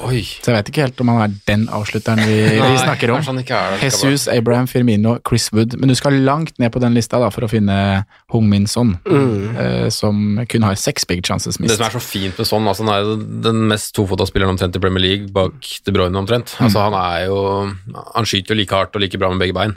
Og det, det er jo et statement på hva du sier, da. Med god avslutning må jeg nevne Mason Greenwood nå da, når vi tar den diskusjonen. Men, Ja. men jeg syns også som deg, Sondre, at prisene på, på Tottenham er eh, for lave. Jeg syns Kane er for lav, Kane, jeg syns Son er for lav, jeg syns Dyer er for lav, jeg syns Doherty er altfor høy. Um, jeg, ja. Kane avslutta jo sesongen i fjor kjempebra. Han hadde vel fem skåringer på de tre siste kampene og fikk vel litt orden på, på kroppen sin. Han spilte vel 90 minutter fra, fra korona ut, om jeg ikke tar helt feil. Han har to rotete sesonger i, hermetegn, og han har skåret eh, 35 Premier League-mål. Ja. Han har, han, har, han hadde et par kamper nå i vår hvor jeg tenkte sånn Nei, det er det samme dritten. Han spiller defensiv midtbane, og så, hadde han, og så plutselig hadde han bare to kamper hvor han bare var, var der igjen. Ja. Uh, og det, det tenker jeg er jo en fin ting å bruke preseason av. Man skal jo ikke vektlegge for masse resultat og sånn der, kanskje, men du klarer å se hvem som ser litt pigg ut. da. Hvordan ser kroppen til han Kane ut? Hva, hva klarer du å lese deg opp på han Kane? På samme måte som jeg nå leste at han sånn, selv om han skårt, hadde, var, var fra spissplass, at han leverte de målpoengene, så var han visst uh, helt bananas god. Ja. Uh, og det er på en måte en god indikasjon på at han kan du han kan du starte med. Og nå er det jo også Den uka som kommer nå, så er det jo Nations League nesten hver dag. Eh, Man får, får jo ikke sett lagene sånn sett, altså treningskamper og sånt, men man kan, jo, man kan jo stikke innom England og se hva Kane gjør for England, og ser han frisk ut, ser han daff ut. Altså, man kan jo få noen indikasjoner på spillerne, da. Fordi eh, Ja, det, det, det er det jeg mener. Ja, altså, Kane kan jo være altså, Hvis man ser pictures i tillegg altså, ha, Du snakker om at du kan cappe Aubameyang i, i første runde, du kan cappe Kane glatt i runde én. Altså, Ja, runde tre, runde fem, runde sju. Han er en kjempefin uh, spiller i det kapteins uh, Men samtidig blir jeg, ikke rotasjonssystemet. jeg blir samtidig ikke overraska om han liksom blenker i to av de tre fine kampene, fordi Ja, han har gjort det mot oss før. før. Men 10-5, da. Ja, Det er, ikke mye, det er ikke mye for Kane. Enig, bro. Det, det fristes. Enig, bro. Men en, en annen spiller jeg er litt spent på, er jo med, med Høibjerg inne, er jo Lo Celso. Ja, Eh, hvordan det rolle får han? punkt. Og han er jo en sånn spiller man, man når, han, når man ser han spille kamp, så er det sånn Oi, der er en god fotballspiller. Han hadde vært god å spille firkant. Ja. Så, Og det så du jo også veldig i innspurten i fjor, for han vokste bare mer og mer utover sesongen. Eh, men det er jo det Vi fikk jo ikke se målpoengene, da.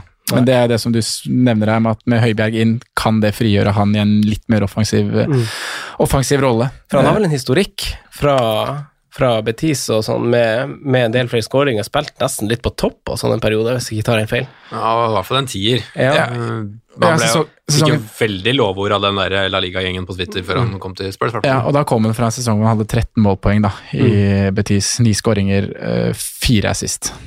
Ni skåringer, ja, så Ja. mer mål enn assist. Ja, det faktisk. synes, Ja. Ja. Nei, men interessant. Jeg synes også, altså Det er jo et lag jeg også Jeg har også en Spurs-defensiv i laget mitt, og så har jeg Og så står det egentlig mellom Son og Vardi nesten på, på, de, på de midlene litt der. Ja. Eh, skal komme tilbake til Leicester senere, men eh, Og jeg må si jeg er veldig keen på Son, altså. Men det her også, det blir en del av Det er så mange ting som må inn i den planleggingsfasen der, for det handler om hvordan man skal legge opp løpet med, med City og United assets fra start. Og det avhenger litt Hvordan kan man bruke de midlene, da? Mm. Må man holde penger i en dyrere spiller for å komme lett fra Ja, dere skjønner hva jeg vil. Eh, men det skal vi snakke mer om i neste episode. Men hvis du hadde, bare for å ta det, hvis du hadde dukka litt inn i treningskampene deres, eh, hvem er det som har vært stabla på den venstre bekken til, eh, til Tottenham i de kampene der? Har du det foran deg? Eh, du, du, du, du, du, jeg kan finne For det. der har du jo du har faktisk tre mann som man i teorien kan spille der nå. Eh, Ja. Det mest spennende er jo hvis Cézinho skal få tid Mm. og, og skal bli der. Så, og, fordi det, jeg syns jo overgangen av Matt Dockertis tilsier jo nesten at Tottenham skal spille med tre backs. ja, Ja, jeg, jeg, jeg, tror jo han Cézinjon er langt bak i køen. Ja. altså, okay. Han har jo vært ordentlig i fryseboksen hos Mourinho. Var- Det var jo kamper på, på våren hvor han ikke var med Ja, for det var jo i troppen veldig rykte om at han skulle tilbake til Fulham, Ja. og så har det stilna litt, føler jeg. Hva tenker dere om Ali og Bergwijn og sånn, da? Eh, Lukas Mora, som, man jo, som jo er i fella sesong etter sesong. Oi, der er han sånn skada, da må vi ha Lukas Mora. Lukas Mora. Jeg syns det ligger litt i sånn ingenmannsland, alle tre. Ja. Egentlig alle fire, hvis du tar med Lo Celso. For begge, begge de jeg nevnte nå, Ali og Bergwijn, har jo har eh, fått godt med målpoeng, eller et par-tre Ja, altså, hver i preseason nå, da. Ja, og så dro jeg en Lucas Mora, da, som faktisk er en Mourinho-favoritt. Mm. Så jeg, For det første er du ikke sikre å starte, egentlig. Alle tror jeg starter når den er, når den er klar, på en måte, men både Lucas Mora, Lo Celso, Bergveien altså Du vet ikke om de starter første runde? Lo Celso starter jo. Ja, Ja, det vil jeg tro. kanskje. Jeg er ikke så sikker. Har du en men- Gedson Fernandes der òg, da? ja. Ja, ben Davies, Og en Dombele. Ja, ben Davies starta de to første treningskampene. Ja. da spilte han 40, 45. Eh, Og så er det Rose som har kommet inn, eller? Nei, Rose har ikke kommet inn, skjønner du. Nei. Eh, det er noen sånne unggutter, og så har Aurier kommet litt inn på venstre, ser det ut som. Det er er Cameron jo- Carter Wickers. For det virker som Aurier er på vei bort, og det Ja, må jo er nesten Ganske tydelig tegn på at José Marino ikke har trua på Aurier, da. Ja, når du bruker så mye på Doctor, ja. Ja. Eller så mye. Eller, det, ikke, ikke så mye at han henter dere til, da. Ja. Det er jo en indikasjon på at uh, Davies kommer til å spille venstreback. Ja, det til, tror jeg. fem, til å begynne med, i hvert fall. Men jeg ser Eh, at Rose har, ikke vært i, Rose har ikke vært med i det hele tatt. Nei, for han var jo borte i fjor, holdt jeg på å si. Han var jo på utlån til Newcastle. Da blir det litt som i, i Arsenal, da, på en måte at man uh, at, at man tror han starter sesongen da, for at det ikke er noen andre matchfit i den posisjonen. Det er en ganske stor tropp, den der, sånn på papiret, den Arsenal Nei, Spurs-troppen også, med en del sånn spillere som er like gode. Sissoko, Lamela Det er Ja. mye greier der, altså. Ja, og så en Dombelé som på en måte er Du vet, ser jo at det er en fantastisk fotballspiller der, men han pass, vet ikke om det er, han passer ikke inn, eller øh, hva Er det det ikke noen holdningsissues der som man ikke er helt happy med? Jo, det kan det være også. også. Men vi bør jo også nevne det når vi, før vi runder av, da, at um, Spurs er jo et like dårlig bortelag, om ikke dårligere enn Arsenal. Og Vi dro de opp hjemme, men de er jo, frykt, det er jo først og fremst borte de må, må se på, for hjemmetallene deres er bra. altså De slipper kun hjem, 17 mål hjemme, som er nesten best. Jobben må gjøres uh, på, på bortebane, ja. Men det er litt artig som du sier, da. 17 mål slipper de inn hjemme, men de har bare 6 clean sheets. Ja, Så det er liksom De slipper litt inn når de først slipper inn. da. Ja. Gutta, skal vi velge én spiller i hver posisjon oh, ja. fra lagene vi har snakka om? det må vi gjøre, for det blir vanskelig i dag. Kan bli.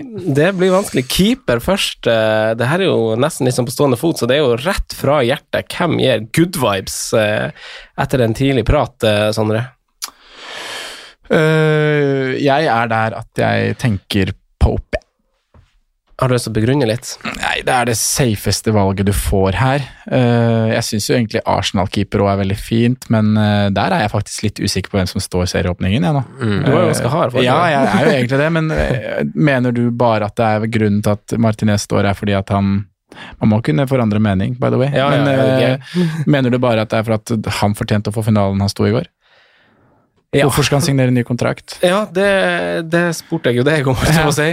Det, det vet jeg ikke. Eh, han Leno sto jo treningskampen Ja. eh, mot eh, Milton Keanes. Altså, Men jeg, uansett så er det Så- jo den er foreløpig litt åpen. Ja, men den er jo det. Men hvis Leno står, så er han et bedre valg enn Pope pga. pengene, da. Så kan man ha Charlie Taylor fra, fra Burnley, så Men jeg sier Pope, jeg. Han er jo den beste Mm. Beste keeperen her òg, da. I denne Mm. bracketen, kanskje. Ja, Simen? Ja, altså Det er mange som skryter av Patricio, men jeg er ikke noen fan av han som keeper. Nei, jeg liker ikke Jeg er med på Pop jeg. Ja, faen meg òg. Jeg trodde ikke jeg skulle være det, men det blir blitt overbevist gjennom eh, Vanskelig keeperbracket fordi at de konkurrentene til Pop er dyrt prisa her. Og som, som du sier, keeperplassen i Arsenal litt tricky nå. Så, det, det, Ja. blir, det blir Pop. Tror egentlig ikke den er tricky, men spill noen kamper, da. Forsvar, Sondre. Forsvarer. Mm. Den er jo også litt artig. Ja, det er veldig enkelt å bare si Charlie Taylor, da, for han er det beste og billigste valget. Men vi har begrunna både godt, gode Arsenal-valg Mm. potensielt og Tottenham. Når vi nærmer oss Game Week 1, så vet vi jo Vi vet kanskje mer i Arsenal, da. Men hvis ikke vi vet så veldig mye mer, så syns jeg ikke det er så veldig mye å gå til der. Nei, enig. Uh, Sheffield United venter vi med. Uh, Wolverhampton har vi Vinagre, ja. Tottenham har vi Dyer. Det står mellom de tre, egentlig. Vinagre, Dyer og, og, og Charlie Taylor. Hvor er du da? Da velger jeg faktisk å gå for Charlie Taylor. På sesongbasis. Nei, det er sterkt. å- Jeg hadde aldri tatt han foran Vinagre, altså. Jeg må si det. Mm. Sånn på stående fot. Men jeg, jeg, jeg går Tierney, jeg. Du går Tierney. Mm. Jeg blir med deg på det. Mm. Jeg gjør det. Uh, midtbane, Sondre. Der er vi kanskje enige, selv om det Nei, Ja, det er- kanskje ikke er det, men det, det er jo veldig hard konkurranse. Ja da, men det er jo Mayang. Ja. Aubameyang, sorry son. Eh, på topp? Her er det litt snacks, da. Ja, det er det. Da må man Um, tenke litt prisklasse også her. Ja. McBurney 6. Lys Moser 5-5. Eh, jeg tror ikke det blir Det er ikke seks ja, blank, da. Sier Harry Kane, ja. Det er dødprising av 6-0. Eh, Jeg blir med Parkin. Nei, vet du hva, jeg tror kanskje Jeg tror han Chris Wood blir den beste 6-5-spissen på spillet. Oi. Eller den beste fra, fra 6-5 og ned, da. Så 6, altså inkluderer Mitrovic i den. Så jeg sier Chris Wood. Og McBurney. Med det så takker vi for oss, gutta. Takk for at dere kom. Vi fyller vann, og så går vi rett på episode to. Yes. Hei! Takk for at du hørte på vår podkast. Vi setter stor pris på om du følger oss på Twitter, Instagram og Facebook. Vi er fans i rådet på alle mulige plattformer.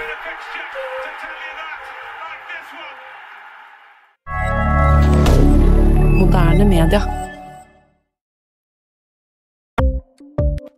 Ukens annonsør er Folio, en smartere banktjeneste for deg som har en egen bedrift eller ønsker å starte for deg selv. Folio er en superenkel nettbank for bedrifter. Som kunde i Folio får du en bedriftskonto med et bedriftskort og app. I denne appen er det smarte løsninger som forenkler regnskapet ditt, uansett om du har en liten bedrift eller et enkeltpersonsforetak. Folio er både intuitivt og brukervennlig, og er laget med et enkelt språk. I tillegg tilbyr de forutsigbare priser og ingen skjulte gebyrer. Skulle du likevel trenge det, så kan du snakke med deres raske og hyggelige kundeservice, og der får du prate med en faktisk person og ikke en chatbot. Folio er med andre ord både enklere og koseligere enn banken. Over 10 000 bedrifter har allerede valgt Folio som sin banktjeneste, så besøk folio.no og se hvordan Folio kan forenkle din hverdag også. Har du et enkeltpersonforetak eller en liten bedrift? Da er du sikkert lei av å høre meg snakke om hvor enkelt det er med kvitteringer og bilag i fiken, så vi eh, gir oss her, vi. Fordi vi liker enkelt. Fiken superenkelt regnskap.